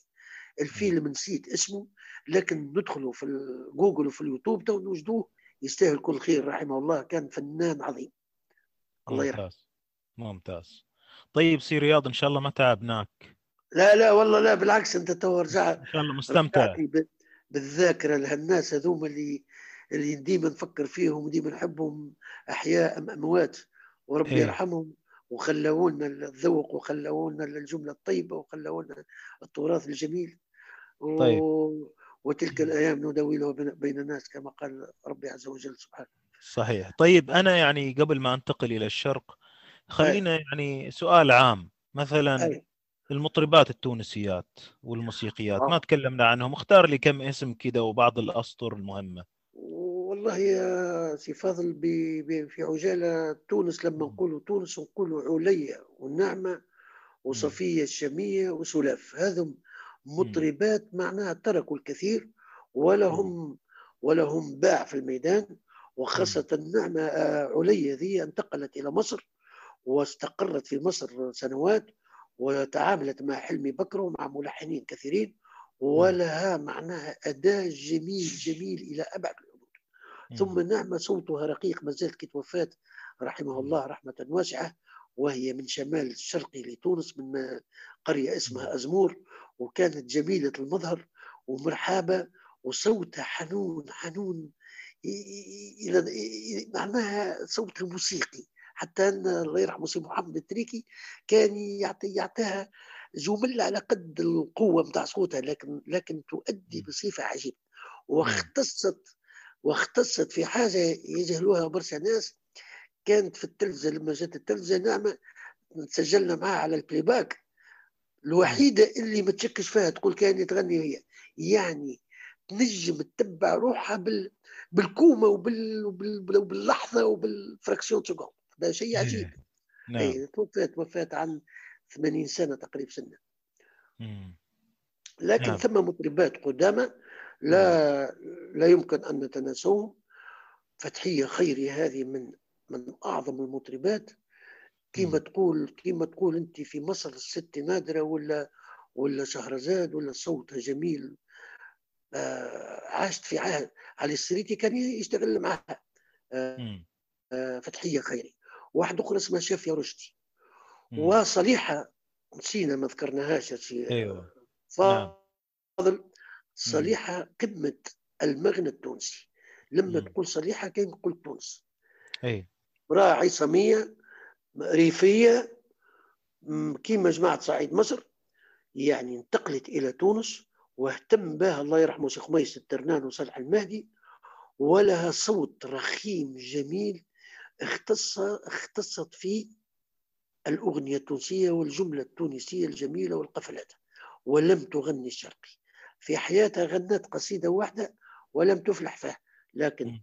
غنات التراث وكانت عضو في الرشيدية وسجلت سنوات في الرشيدية ولكن اختطفتها يد المنون المنون في سن مبكرة هي مولودة عام 14 ماتت عام 58 يعني توفات على سن 44 سنة تقريبا. مم. و... وكانت لها صولات وحفلات واشتغل معها رضا القلعي وقدر الصرافي ومن حسن حظها جاءت في وقت اللي ثم موسيقيين معناها مقتدرين واكفاء نعم. وهي امرأة. تغني مليح مليح. تغني إيه. و... يعني آه، ما في مشكلة أعتقد المستمعين أيضا يسمعوا الكلام ويستطيعوا الحصول على ينجموا يختاروا من اليوتيوب ومن الإنترنت إيه. إيه، صليح الله لكن إحنا ما راح نذكر جميع المطربات وال- والموسيقيات. والله لو يعني نكتفي بهذا القدر و هاي إيه. طيب آه، أنت عندك شخص آه، تحب تتكلم عنه هو عبد المجيد بن سعد؟ آه سعد مجيب بن سعد الله يرحمه هذا هذا منشد وكذلك وكذلك الشباب اللي جو فيما بعد اللي أنت تعتقد عندهم أهمية في ذكر أسمائهم. والله شوف توا إحنا إحنا الباهي يقولوا له باهي. صح. واللي أقل من باهي يقولوا له باهي نشجعوه. لكن لكن خلينا ساعة نشوفوا سعد مجيد بن سعد هذا الله يرحمه كان صوته جميل جدا وعنده وعنده على اليوتيوب حاجات يا سي فضل. وعبد المجيد بن سعد كان يقيم الحفلات الدينية في في في البيوت وله شهرة شهرة واسعة في تونس كاملة وانتقل إلى الساحل بإعاز من السلطة وكون فرق موسيقية وتوفي زاد صغير معناها لم يعمر و- وكان هذا يخلط يخلط بين الجملة الشرقية وعنده قدرة يكون في مقام البيات يرد مقام الحسين نحن نسميه الحسين. إيه. وكان بارع بارع في في في في توظيف الفروع من المقامات. لما لما يقول مثلا مقام الحسين هو عنده خمسة فروع مقام الحسين فهو مم. يأتي عليهم بالواحد بالواحد. لكن لكن كي يستوجب باش يردوا بياتي كأنك تسمع في إبراهيم الفران لأنه هو. يستجلب الأسطوانات من الشرق في ذلك الوقت ويقلد إبراهيم الفران في في- الجمل نتاعو هذا أمر غريب قد وأنا نعرفه شخصيا. وابنه صديقي والله يعرضني توا صلاح بن سعد وكان والتو يحبني صلاح على خاطر يعرف اللي والده كان معجب بي ويقول لهم هذا العازف هذا باش تجيب منه حاجة هذا يطلع عازف ممتاز. نعم. كان سعد مجيد الله يرحمه صوت رخيم جميل جميل. ولكن الله غالب الظروف استغلته السلطات في ذلك الوقت لل- لل- للمديح وللأغاني الوطنيه إلى آخره ولا فني آه، ترك ترك معناها خلى خلى ما شاء الله. لكن مع الأسف ما خلفوا حد ماذا مع احترامي يا أخي تو هذه حقيقة راهو سي فضل. تو أنت تجي ألو... تجي الواحد يقول فنان أو منشد والله أخلاقه عالية. يا أخي الواه نمزجوا في الأخلاق بال- بالقدرة بالقدرة المقدرة. لا الأخلاق في شيء في باب ولا ولا المقدرة الموسيقية الفنية ولا ال- الإبداعية في في في في باب آخر. صحيح. فهذا مثلا الشيخ علي البراق. لم لم لم يعمر مكانه أي واحد. واحد آخر ما عب مكان بن سعد ما خلفوا حد مع الأسف اللي. موجودين على الساحة الكل تابعين العصر هذايا تابعين. لورج وتابعين الكهرباء وت- وتوا ال- الفرق الصوفية ولات باللورج ولات بالجيتارة ولات يعني شيء ما يشبهش لبعضه ومع الأسف لا أريد معناها الدخول في هذه المهاترات. ونقولوا ما نقطعوش الأمل إحنا قد صحيح. يأتي طيب سؤال سي رياض لو قاطعتك. هنا أنا إحنا لازم نستريح الآن مع أحد تسجيلاتك أنت بس قبل الاستراحة أنا السؤال مع دخول آه، التلفزة والأفلام والأسطوانات المصرية أيوة. والأشياء التركية والفلامينكو والأوروبية ما أيوة. على ضياع الهوية التونسية الآن يعني شفنا أمثلة ناس تخلط ناس تدخل الحان أوروبية ناس تتكلم عن التطوير ناس ما بيغني إلا تونسي ناس يخلط بين ده وده ناس يعني ما خفتوا على الهوية التونسية والغناء التونسي والموسيقى و- والله يا سي فاضل هل أعتقد وأن المعضلة هذه لم تشمل تونس فقط فهي عمت على العالم العربي واختلط الحابل بالنابل أنت لو تشوف مصر مصر مصر السنباطي مصر محمود الشريف مصر القصبجي شوف تو شنو اللي فيه ما تونس. كيف. كيف؟ ال- ال- ال- الأردن ال- لبنان. به. الأسباب يا أخي شنو هي الأسباب؟ الأسباب قلة الرقابة. أنا هكا. أعتقد ما أنا قلة ال- الردع والرقابة خاصة في التناول في الإنتاج. ما, ما معنى إنه معناها شركات خاصة؟ يعني المادة والمال أطغى أطغى على الذوق حتى أنه ولا كل حد يسجل وحده ويبيع وحده ويشري وحده ويذيع وحده ما ثماش رقابة سي فضل وينه؟ نعم. لما أي لما كا- كان آه، رحمه الله سامي شوى لما كان يسجل مع في شركات و- ويصدروا اسطوانات يعني كانت كانت ثم لجان تراقب تراقبها آه، يحكي عبد الوهاب قال كنت في في في لجنة ال- الاستماع في الإذاعة هو القصبجي يعني في الخمسينات لما برز عبد الحليم حافظ يعني اللي يتعدى يتعدى اللي ما يتعداش يرفضوه يرفض تمام. توا ما ثماش رفض. قل لي إيش في جيبك فلوس تو نعدي لك هذا هذا هذا الموجود. يا. سي فضل انت تو اصحاب البرامج اللي ماخذين في الإذاعة. بالله العظيم عندنا في التلفزيات التونسية شيء يندى له الجبين. ثم ناس ماخذين برامج وما عندهم حتى تكوين وما عندهم حتى كفاءة يجي تلقاه يخدم في بنك أو يخدم في مؤسسة يجي باش ياخذ قرض ال- الواحد منتج في الإذاعة يعطيه برنامج يعبث معناها ب بأذواق الناس وبمشاعر الناس. هذا عيب مش باهي. ثماش رقابة؟ وين السلطة؟ ثم يلزم ثم ثم حاكم ومحكوم ثم السلطة اللي تحكم في في صحيح. القطاع.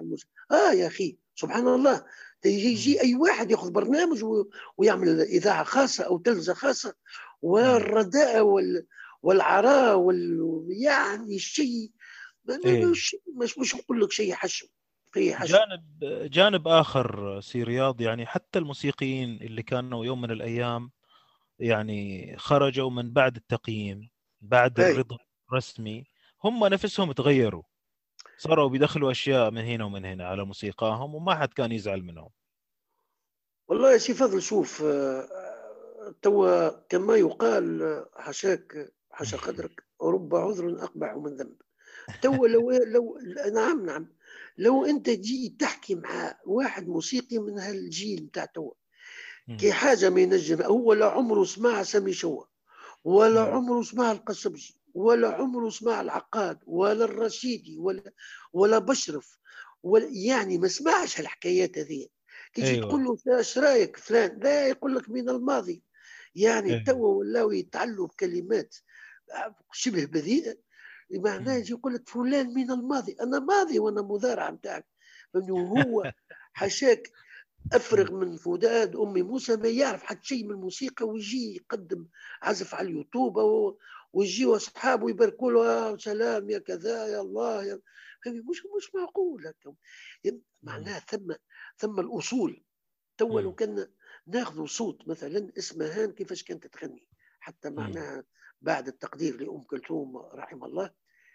هل. يوجد توا واحد في ربع صوت اسمهان أو شادية؟ أو أو ما نعرفش نسمي والله يا فاضل يجرني الحديث سامحني طولت عليك. في عام من الأعوام وأنا أشتغل في فرقة الإذاعة. كلمني محمد غنية بالتليفون قال لي رياضة تمشي معايا أنا راني مبرف مع سعاد محمد. مم. المطربة المرحومة سعاد محمد وهما أخذوه وحده باش يشلوا والفرقة والفرقة كلها مصرية. فرحنا ننزل في في تونس العاصمة آه باش نحضروا على البروف والتقينا بعازفين منهم واحد اسمه كمال الشيخ عازف كمنجه في تخت ام كلثوم. نعم. وسلمت عليه وكنت مبسوط وفرحت جدا أني ألتقي بعازف من فرقة أم كلثوم واحتسينا قهوة ودار الحديث بيناتنا قلت له يا أستاذ أنت عندك أولاد ومتزوج ضحك إيش قال لي؟ قال لي أنا زوجتي غنت على تونس زوجتي غنت بنا مناسب مم. وينهي وين تغني تو قال لي لا تو تطبخ للصغار أش تطلع زوجته يا سي فضل إيه. تطلع عصمة عبد العليم جات مع فريد الأطرش سنة 52 نعم. وغنات مع فريد بساط الريح من. كلمات محمود بيرم التونسي صحيح. وتنجم تعدي في الحصة نتاعك الطريف اللي غناتها. بالله الذي لا إله إلا الله لو كان المطربات الموجودين توا على الساحة يلحموهم وكلهم مع بعضهم لا في في نبرة من نبرات آه من نبرات هذه عص- عصمة عبد العليم اللي قال لي تطبخ للصغار هذيك تطبخ للصغار قلت له في الدار في البيت. قال يا سلام. يعني لا نسبة ولا مناسبة كل حقبة عندها ملاها توا ما فما شيء. توا تسمع؟ الراب. الراب ولا شنو تسمع؟ أغاني مبتذلة كلمات مبتذلة آلات كهربائية. القانون قضي عليه تماما. العود ما عدنا نسمعوه إلا عند الأتراك في, في, في, في الواحد في اليوتيوب. معناها من حين لآخر تسمع واحد مم. الأكاديميين يعني حطوا يديهم على الساحة وأغلبهم مع احترامي لهم أغلبهم أغلبهم تعبين مع الأسف ما مم. مشهم فاهمين الذوق الموسيقي الأصلي الشرقي أو التونسي وغيره آه، العازفين العزف العزف تسمع. واحد يعزف لك اليوناني ويتشدق بالتركي وهو تونسي آه، واش كلفك بيه أنت تركي يقولوا. اتقن هذه مشكلة عامة في إيه. رياض في الوطن العربي يا سي فاضل فقدان الهوية يعيشك يبارك. فيك من فضلك مم. فقدوا الهوية متاعهم أنا ها واش نعرف أنا لما تجد عازف بارع يعني متمكن من الآلة ويعزف جميع الأنماط هذا توجدوا في السيرك خدموه في سيرك لأنه ما عندوش إيه. هوية اليوم. يعزف في موريتانيا غدوة يعزف في في بنغلاديش بعد غدوة يعزف فهمتني. فالهوية الناس مش فاهمة الاحتفاظ بالهوية دي. علاه يا أخي. شنو أنت أنت مصري تعزف اليوناني وإلا أنت آه، أردني تعزف ال- ال- ال- الأسباني؟ ما مش معقول. وإحنا نعانيو في الأشكال هذه موجود منها عندنا تو المقامات التونسية مع الأسف ربي إن شاء الله يطول في أنفاسنا حتى نكملوا الرسالة نتاعنا ما نعم. عادش تو تسمع عازف صغير نتاع 20 سنة يعزف لي يعزف التونسي. ما كا- كانوا مش تونسي يعني قل كان يعزف في التركي دلوقتي تعرف إيش كلف عمرك شريت قلت له مرة شديت واحد. قلت له عمرك شريت واحد تركي يعزف التونسي.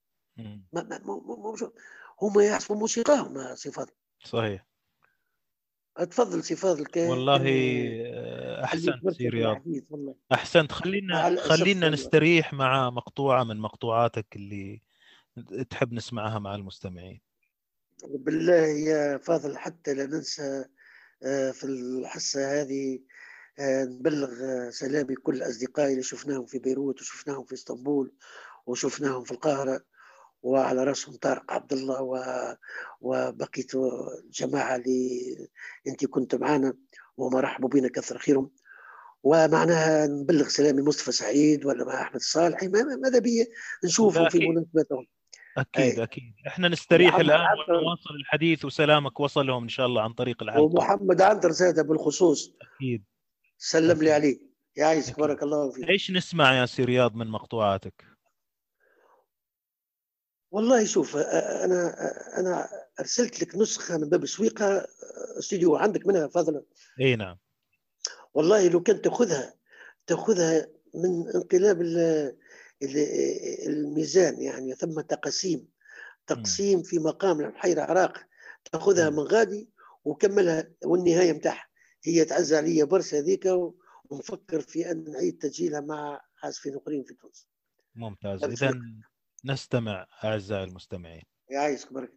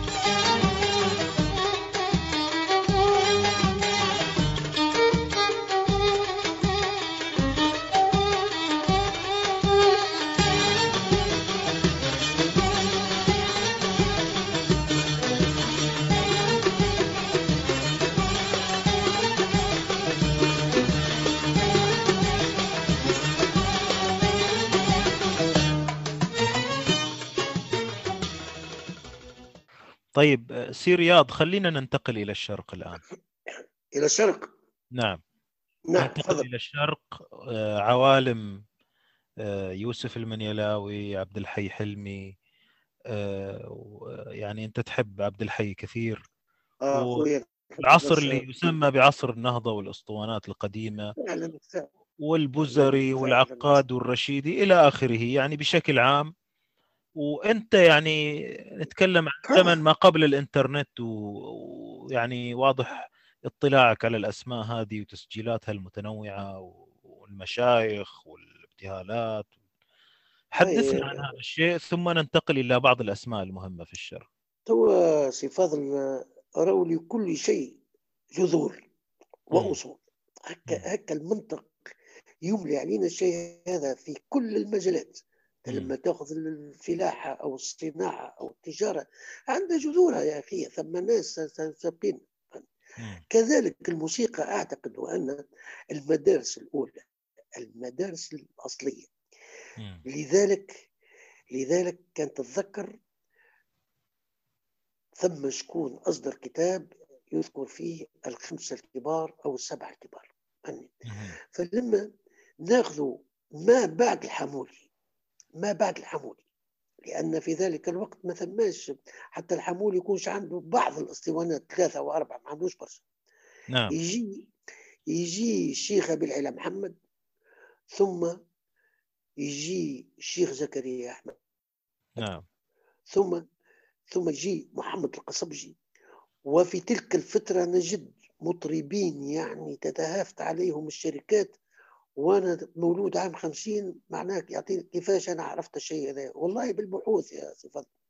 عبد الحي حلمي من أجمل الأصوات نهل منه عبد ال- والله اليوم برك أنا وزهير نسمع في حاجة عبد الحي حلمي شيء ياخذ العقل يعني.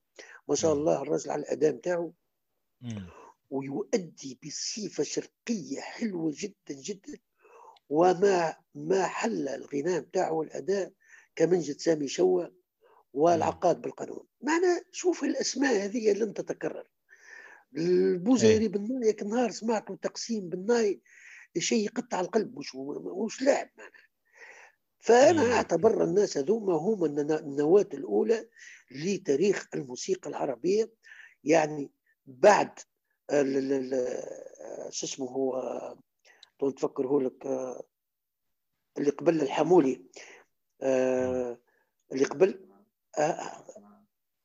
لا محمد عثمان جاء في ما جاء في جاء في عهد إيه. آه، معاصر الحامولي يعني في كثير في كثير آه، بالله صح.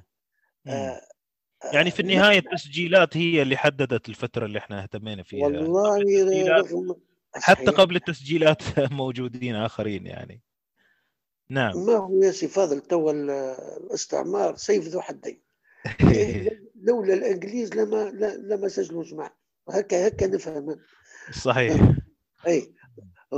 معناها لو لو تسمع الشيخ أبي العلا محمد محمد ما عادتش الناس تغني كاكا راجل عظيم. آه، محمد عثمان ملكسات ملكسات تعرف. ملكسات عمرها أكثر من 130 سنة توا. يعني الناس قلت يغنيوا فيها توا. مل- مم. الكاسات وسقاني يا يا من توحشني. الراجل مات عمره 50 سنة مولود 18 150 مات 1900 مات عمره مم. 50 سنة بالله مم. عن إذنك يا فاضل ثم شخص تو تفكرته.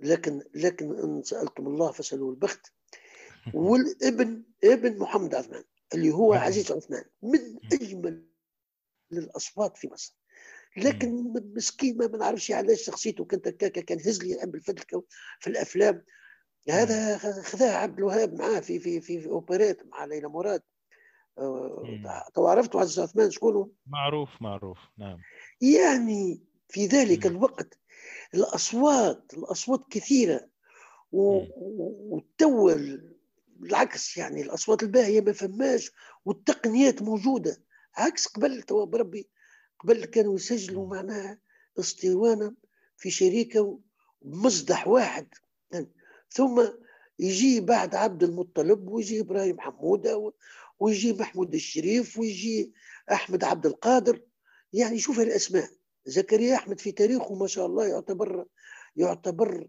ركيزة من ركائز الموسيقى في في في الموسيقى العربية في في تاريخ الموسيقى.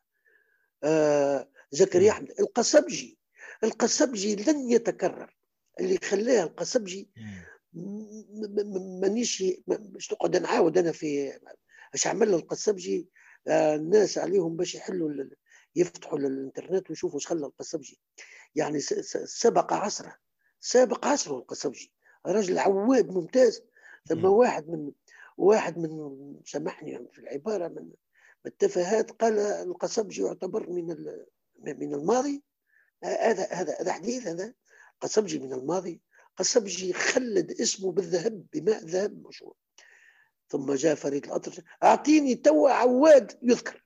ما اسمه ما ثماش يعني ما ريتش ما واحد يعزف العود كما صنباطي يستحيل ما كما جاتك الحفناوي يعني اكل الروح الفياضة وك الدوسات العسلية. ما سامحني ما ريتش قانونجي كعبد صالح. وين؟ عبد صالح هل يتكرر؟ لن يتكرر. ولذا؟ ولذا خاصة الأكاديميين يلزم يهتموا بهالناس هذوما ويتعلموا منهم يتعلموا منهم الصنعة لأن الموسيقى والفن صنعة هو. هو مش لا قراءة ولا كتابة.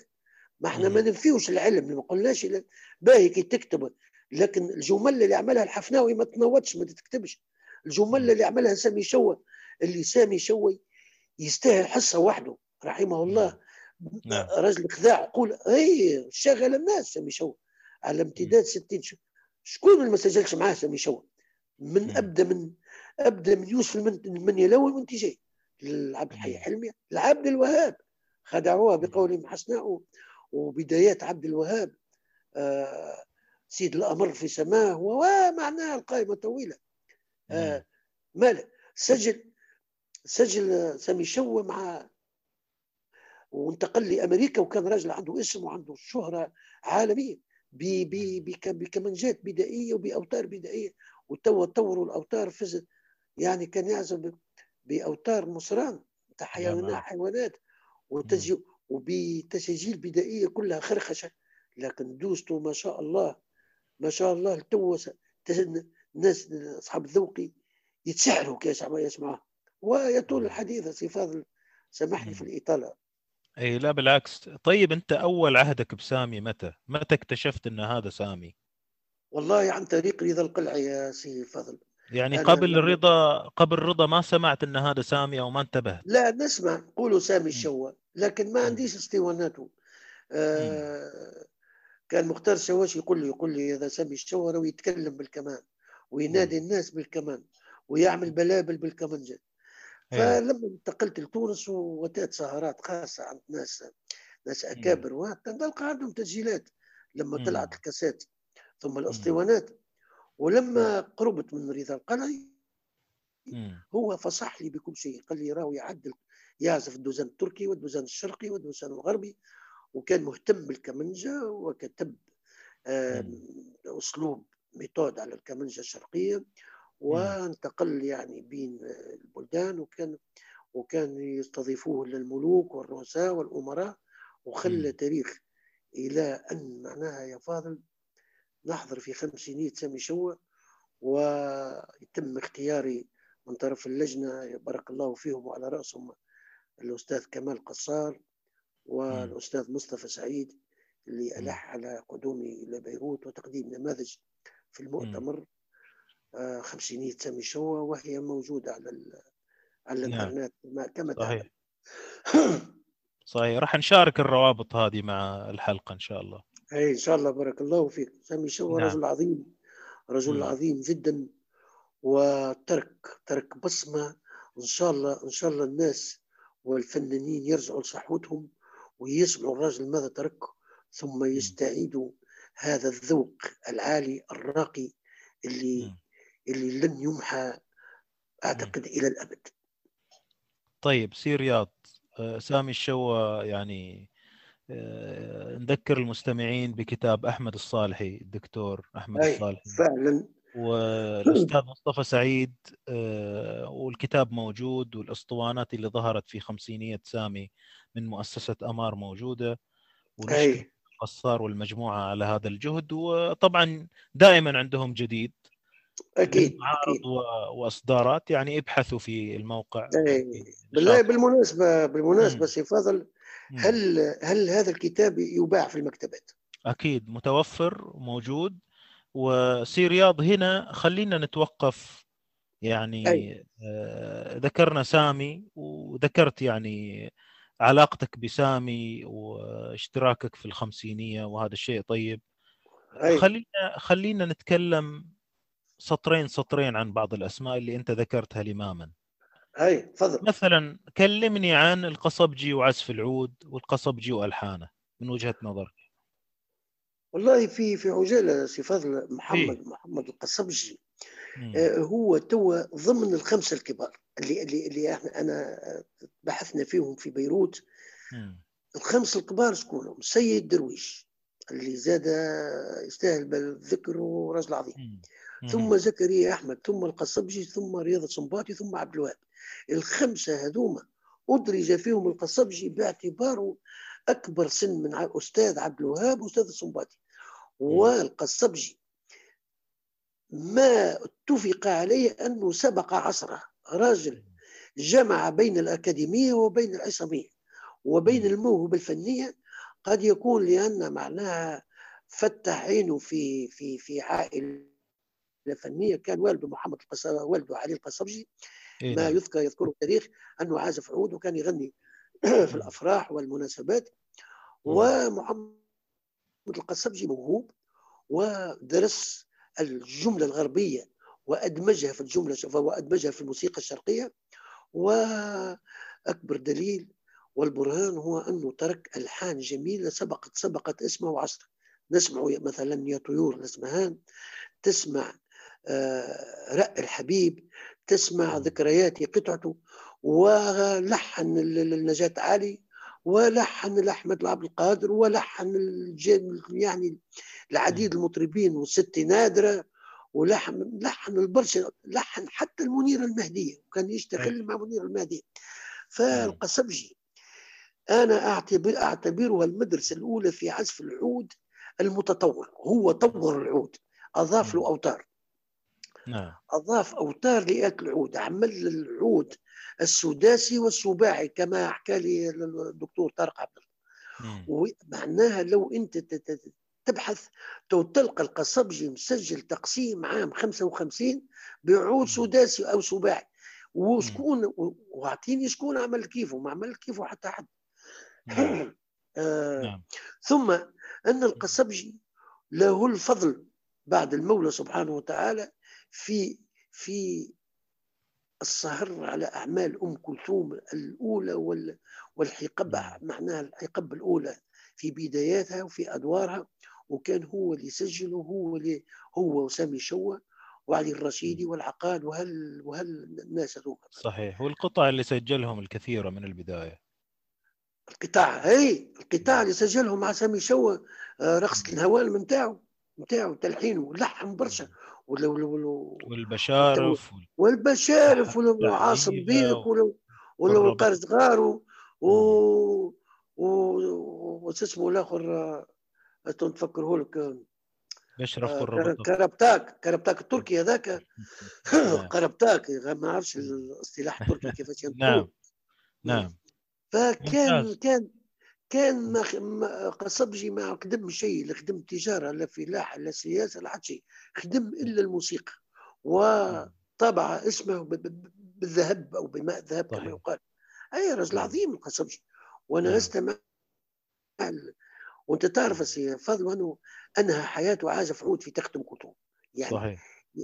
يعني هو ترى ما- ما- ماذا نطلب منه القصبجي أن يفعل؟ فلما ظهر ظهر بليغ حمدي وظهر عبد الوهاب وظهر والقصبجي محتكر القصايد يعني آه اسمه رياض السنباطي ما شاء الله. رياض السنباطي لا يقل قيمة عن القصبجي رجل عظيم.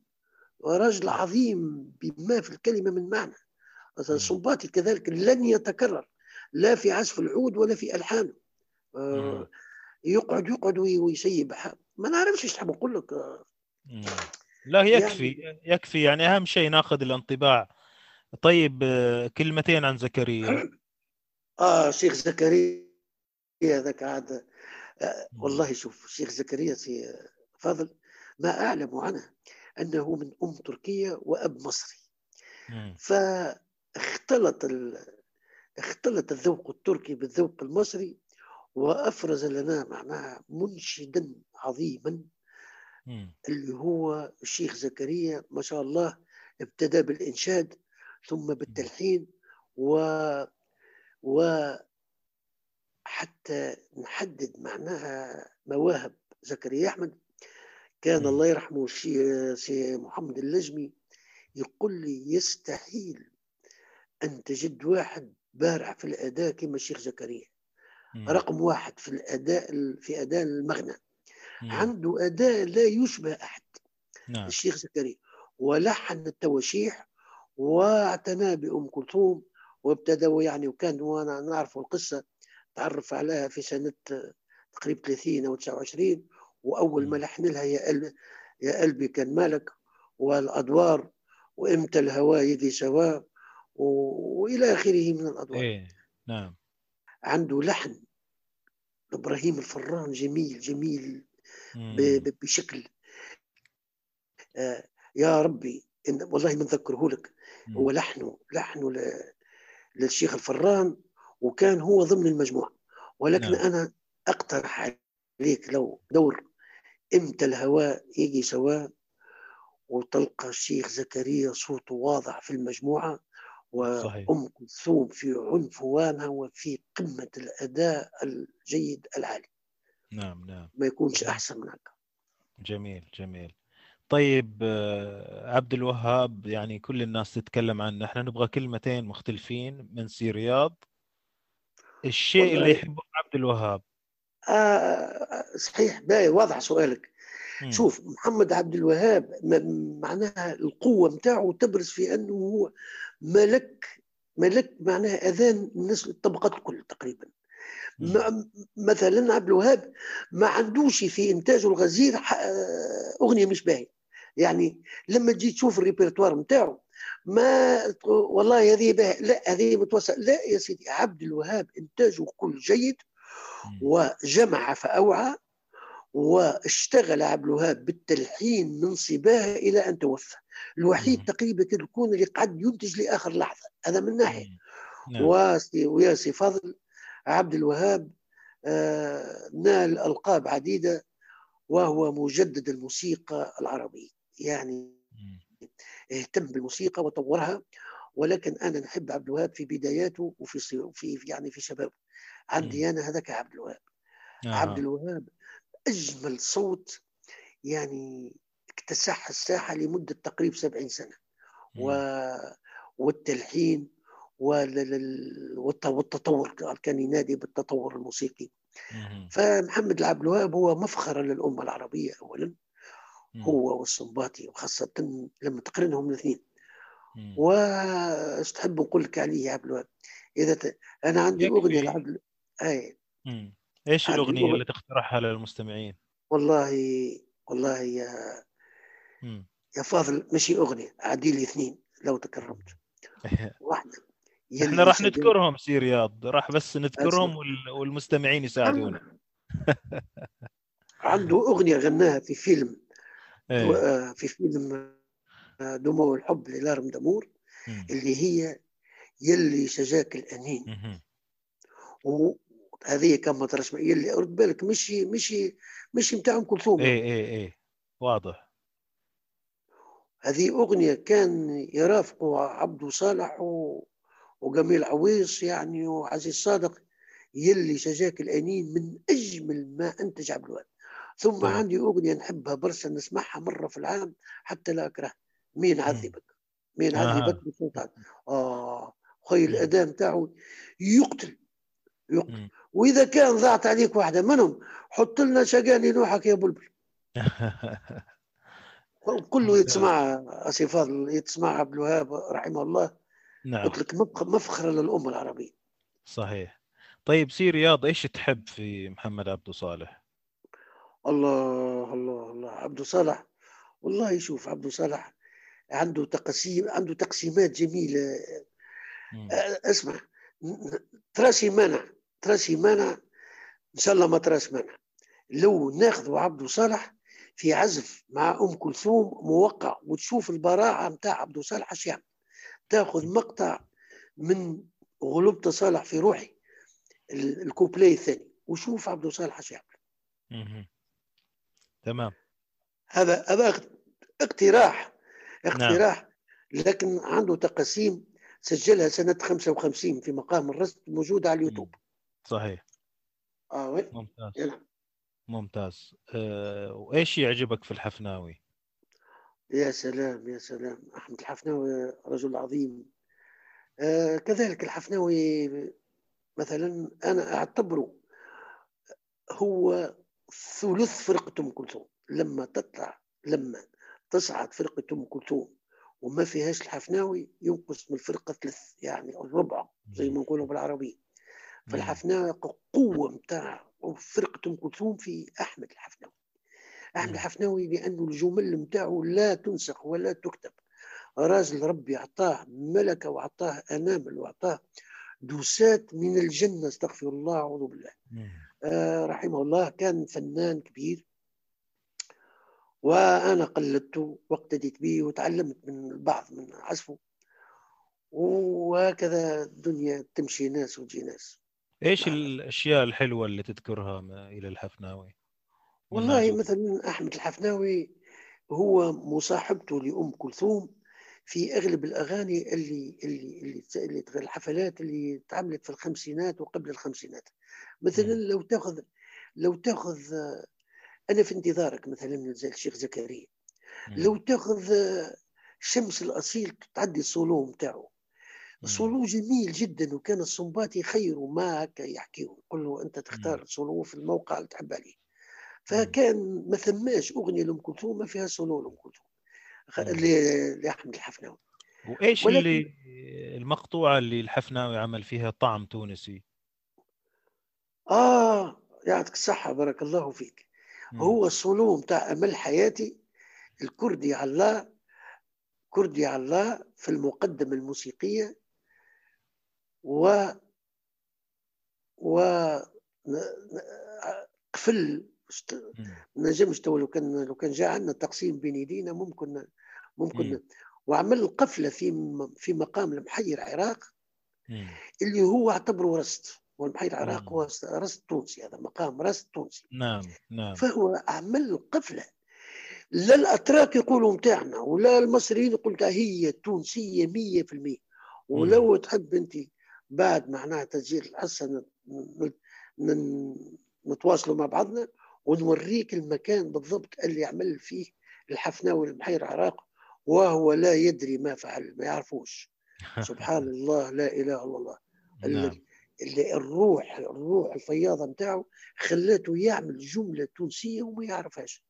لو نعم. تقول له عزف لي محيي العراق يقول لك ما نعرفوش. لكن لكن في, في أمل حياتي ورغم مع المتقدم في السن في ذلك الوقت ولحن عصري وكذا. عمل حاجات جميلة جدا. طيب مثلاً- سؤال سؤال مخاتل سي رياض اتفضل. يعني الحين الحفناوي أحلى من سامي عندك مثلا؟ والله لا شوف. مم. آه، أنت. تقصد العزف أو الانامل أو أكيد. تتكلم عن العزف والدوسة وال- والمقام والسير وال- آه، هو يا سي فاضل آه، ربي عز وجل لما خلقنا ما خلقش واحد برك ولا اثنين ولا أربعة ولا عشرة وعندنا مثل تونسي نقولوه وقولوا كل ناصر يدخل بوجهه ما معنى. يعني كل حد عنده البصمة بتاعه كل حد عنده ال- الميزة بتاعه مم. يستحيل في العالم أجمع باش تلقى كمانجات يشبه الكمانجات آخر نعم آه سامي شوى الدوسة بتاعه أجمل دوسة تقريبا على الإطلاق لما نقولوا الحفناوي الحفناوي أكيد أنه سمع سامي شوى ونهل منه أخذ منه. خذا منه خذا منه الأداء وطلعت طبخة اسمها الحفناوي. بعد الحفناوي جاء فلان وفلتان وكذا وهكذا يعني التداول فالطعم يختلف تو أنت في الاكلات ما- تشبهش لبعضها. الحر ما يشبهش للحلو والحلو ما يشبهش لل ولا نزا ولا اسمه ولا. يعني البقول ما تشبهش لبعضها ولا الأطعمة ما تشبهش لبعضها. في. الطعم لكن كلها كلها باهيه ولازمة. ويعني ونحبوها. فهمني؟ بس إحنا عرفنا عرفنا ذوقك. أنت الآن شاركتنا ذوقك يعني. والله رياض هذوما الاثنين اسيدي سي رياض. سي- سيد مكاوي أنت قابلته وعندك ذكريات مهمة معه. والله بالصدفة اشتغلت معاه هو الله يرحمه جاي لتونس في في مم. آه، أواسط السبعينات وانتقى عازفين على هواه. ومن حسن حظي كنت ضمن المجموعة كده اللي اشتغلنا معاه في مسرح قرطاج وحكينا معاه الكثير وذكرى جميلة جدا جدا. وحب يسمعنا بالواحد بالواحد في فرقة الإذاعة بحضور بن علجية الله يرحمه بحضور علي السريتي. يعني عشان يختار مين اللي راح يكون معاه على المسرح؟ هو هو كفيف. مم. وكل كفيف تلقاه يتحدث إلا بالحق لا يكذب. خاطر ولا يخجل هذا يعجبه هذا ما يعجبوش. فلما جاء دوري عملت له تقسيم تقسيم في ذلك الوقت نحفظه عن ظهر قلب. آه، سامي شوة مع عبد الوهاب في موال اللي انكتب على الجبين كان مم. تقسيم على درجة لا العشيران بياتي وأعدته يعني بال بال بالجملة. فنال إعجابه وقال لي يلا يا شيخ عيد عيد. قام سي عبد الحميد الله يرحمه قال له هذا مش الشيخ راهو أصغر واحد عندنا في الفرقة.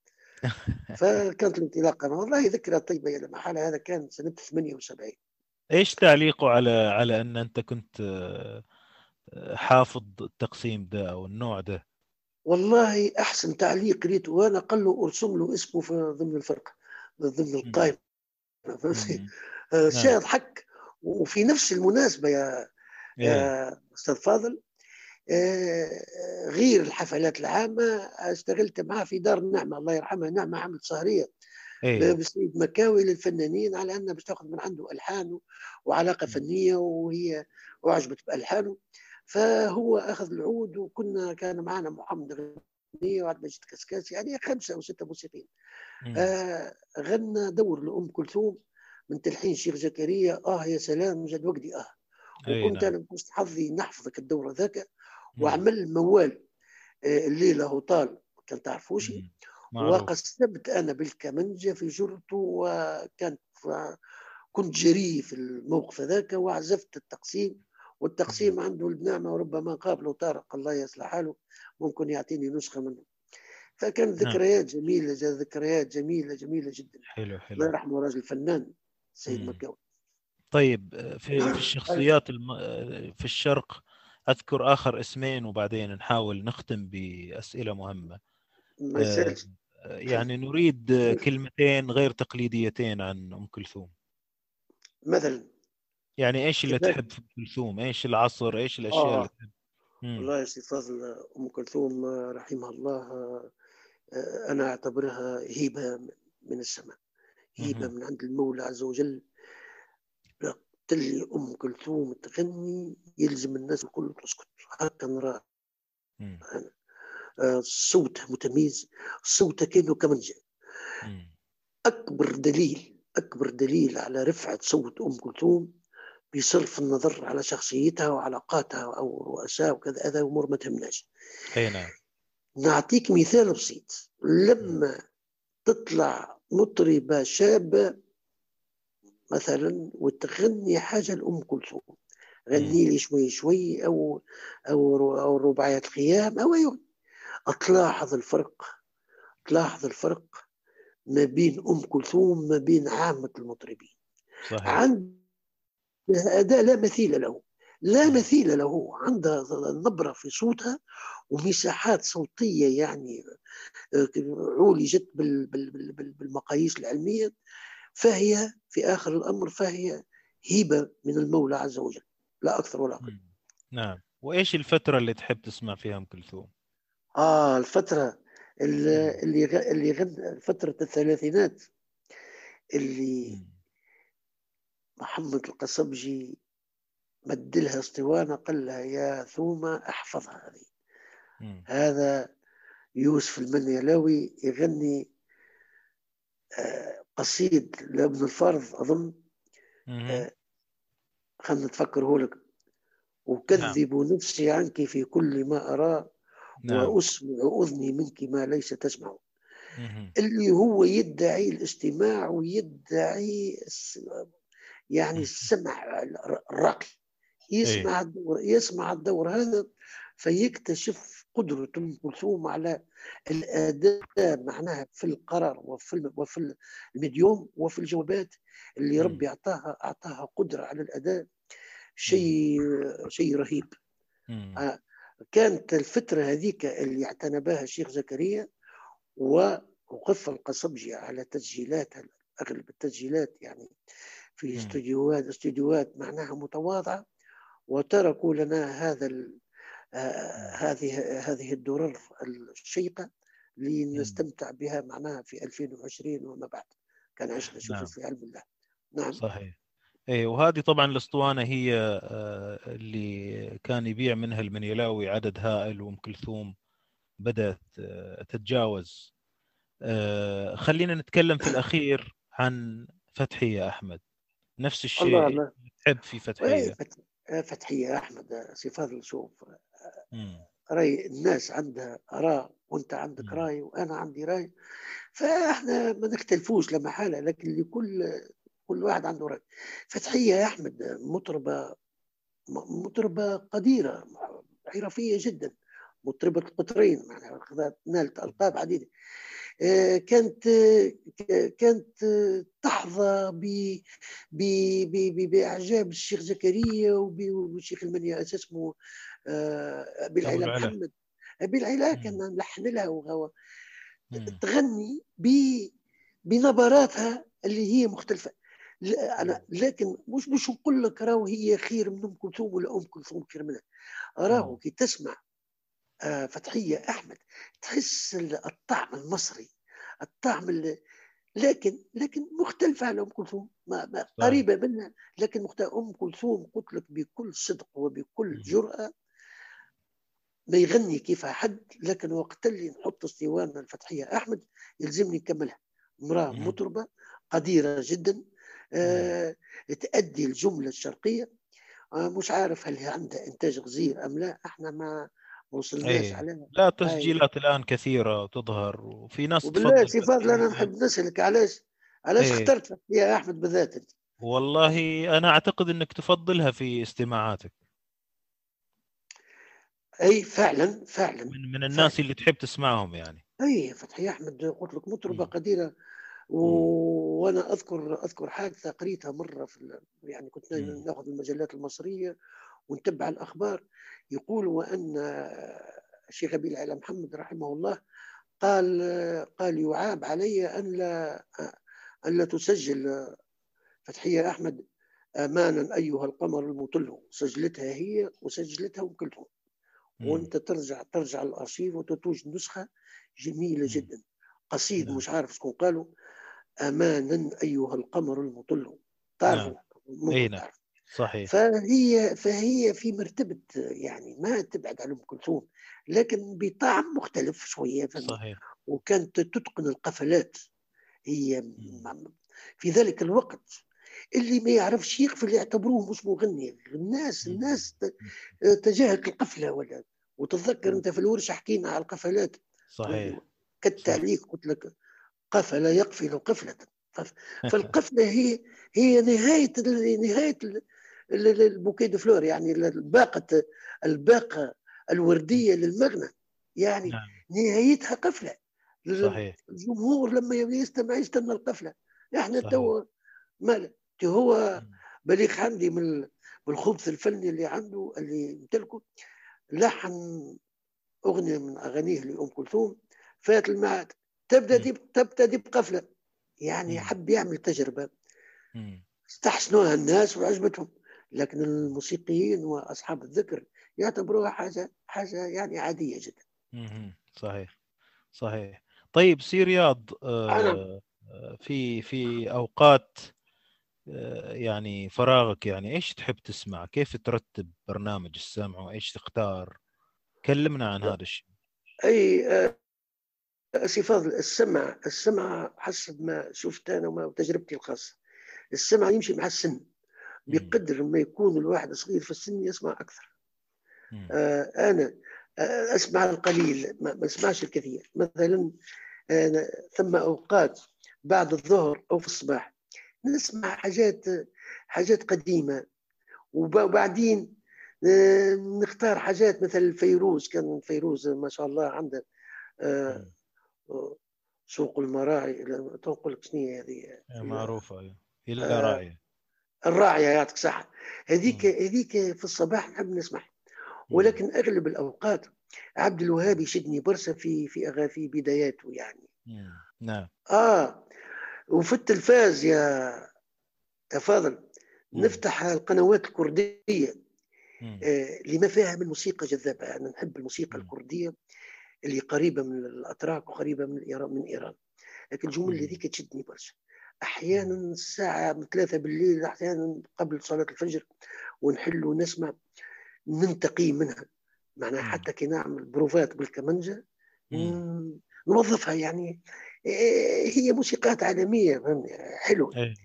لكن وقت التونسي تونسي وقت الشرقي شرقي وقت الكردي كردي ما نخلطوش فهمني. ما نخلطوش. لكن مع الأسف عندنا في تونس عندنا مخزون من الملوف كاد يندثر وما عادش يتذاع وما عادش تم وإحنا. توا في براثن ثروه ثورة سامحني وفي مرحلة انتقالية ما. حتى يستقر الوضع و- وربما معناها ترجع يرجع البث إلى صحته ونرجع للفن. الأصيل سواء كان. شرقي أو تونسي ونذكر إيه. نذكر الناس العظماء هذوما رحمهم الله صحيح صحيح. والإنترنت قاعدة تخدم الآن ال- أي الإنترنت. مكان. آه، لكن أي. في رياض يعني إيش أهمية السمع وتخير ما يسمع بالنسبة للعازف أو الموسيقي بشكل عام؟ والله سي فضل ال- ال- ال- السمع أو الاستماع أو. هو هو شيء مهم جدا في تكوين العازف. العازف هو عبارة عن طير هو عبارة عن عصفور يستمع العصافير أكبر, أكبر, أكبر منه فهمني. فالعباد إيه. هي هي رأي المخلوق المخلوقات العباد كما توا لو ناخذوا الطيور كيفاش يعلموهم الطيور.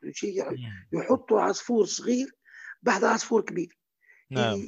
يلقنوا يلقنوا آه، يسموه يعني ال- الزقزقة ولا.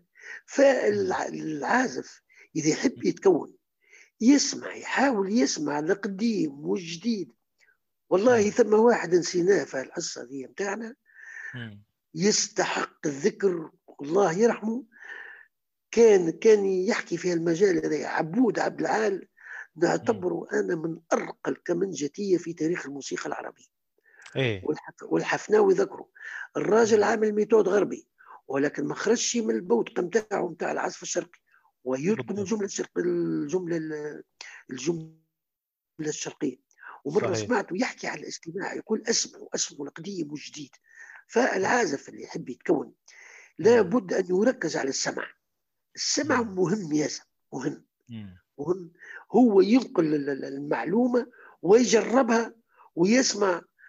عازف كمنجة يسمع خمسة عشرة كمنجتية ويقارن بينهم. وفي آخر الأمر يخرج بطبخة شخصية يخرج ببصمته بصمة يعني شخصية متاعه إيه نعم. هذا ما هذا مريض في تجربتي الخاصة. أنا سمعت صحيح. سمعت سمعت عديد كمنجتية فهمني؟ صحيح صحيح. وهو صراحة تفضل كمل يا سي رياض. إما أنه نمسكوا كمنجاتي ونحطوه قدام سبورة و- وأسطر مرسومة و théorie يعني هالتعليم الأكاديمي يعوز يعوز السماع تو انت لو تدخل في في معهد موسيقي ما تلقى لا تسجيلات سامي شوا ولا ولا الحفناوي ولا عبود ولا حتى شيء. تلقى يعني آه، طرق وأساليب جديدة مبتكرة الله أعلم شكون عملها ويعلموها لل- لل- للنشء يخرجوهم يعني في أتعب ما ريتش أنا عازفين في العصر هذا وين؟ ما ما ثماش أي. الاكاديميين أش. تسمع؟ تسمع كان ماستر. دكتوراه شهايد يعني أنت يا حبيبي مش تطلع فوق الركحة بالدكتوراه توريها للناس ما توريش عندك تقنع الناس بعزفك. وحتى أصحاب البرامج الموسيقية يتكلموا برشا وما ينفذوش ما يعرفوش ينفذوا. مد آلة واعزف وري الناس. صحيح. قصدي كان طول عمره يعزف ما كانش يخطب. ال- ال- ال- ال- اللي يعلموا توا هالبرامج والواحد عبارة عن عن خطابة يعني. و... ويعلموا فيهم في شيء مبتذل ضعيف يعني ما... ما... ما... ما... علاش. علاش المخزون نتاعنا يمشي حرام؟ علاش؟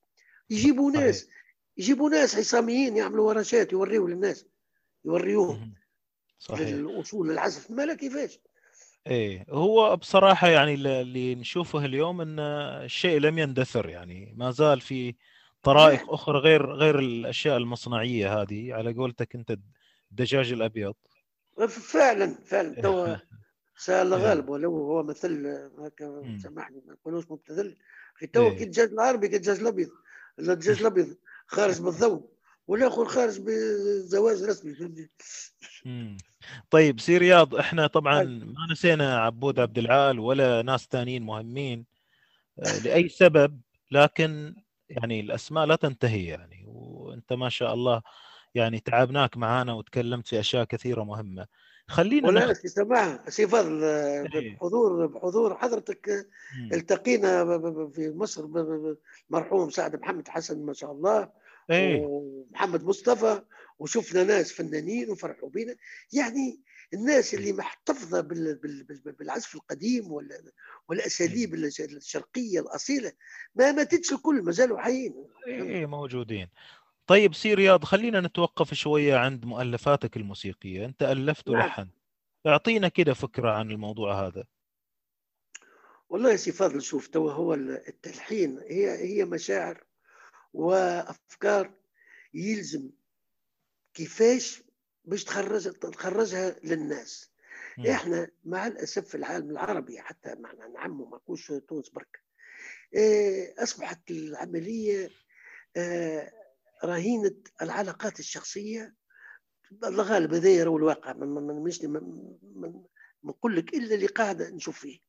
العلاقات الشخصية والمحسوبية وأحيانا تلقى ملحن باهي يتهمش مسكين. علاش؟ لأنه ما عندوش علاقات وما يمشيش لتونس وما يعطيش الرشاوي وما ف مم. أنا لقيت فرصة من تقريبا 15 سنة خلت اللي هو مهرجان الأغنية التونسية. فكنت مهرجان مفتوح للناس كلها. فكنت وين نقدم لحن يقع قبوله. اينما نقدم لحن.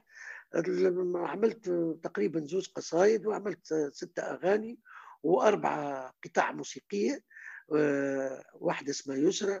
وأخيرا هيأت لونجا لونجا آه، جاتك منها نسخة إن شاء الله تنال إعجابك. فهي خواطر آه، لكن لكن الملحن بتاع عام 50 وعام 60 مش كان الملحن بتاع تو إيه. عام 50 ما كانش ياخذ معاه الفلوس ما إيه. المطربين والمطربات إيه مم. شادي أنور الله يرحمه عندنا ملحن مقتدر كان يجي لي يوسف التميمي أو نعمة أو علي يقول لها يا نعمة باش تغني هذه الإذاعة تسجلها من غير مقابل توا إيه. باش تسجل أنت أغنية تحضر على الأقل 1000 دولار ولا ولا 800 دولار ما نعرفش كيفاش صحيح ولازم تكون عندك علاقات ولازم تعطي الهدايا وهذا كله هذا من شأنه يدمر يدمر الإنتاج ويخلي الإنتاج المبتذل هو اللي يطلع والباقي ما يطلعش. أنا نعم. من حسن حظي استغليت مهرجان الأغنية لتقديم أعمالي وهي أعمال والمهرجان هو ده هو حكومي ودولي آه، فاعترف بها وهي مسجلة في الإذاعة وتذاع من حين لآخر. هذا هو. لكن جميل. لما اي لما نوجد أصوات باهية علاش؟ نقدم الحان ونلتوى اللحن. اللحن ونخبي الله أعلم. الله أعلم. والدنيا تغيرت النظام القديم اللي صحيح. يمشي عن طريق المؤسسات الرسمية بدأ يتغير وتغيرت وسائل انتشار العزف والتسجيلات وشرائها ونشرها. آه، طيب سي رياض أنا راح يعني بعد إذنك أخذ جزء فقط من اللونجا. أي تفضل. النهاوند الجديدة ونسمعها مع المستمعين في هذه الحلقة. آه، خذها خذها من تحب. اسمع. آه، خليك على راحتك. هي على خاطر تو لحن جديد. آه، لا يفهم لا يفهم من أول وهلة. إيه. لونجا على الطريقة القديمة ال- ال- التركيبة ال- التركية. بنغمات شرقية ما هيش تركية لا محالة. وحاولت يعني نجمع فيها أفكاري وبإيقاع يعني مخصص لل- للنمط مم. وهذا هو. ان جميل الله من جدا. حسن إلى أحسن.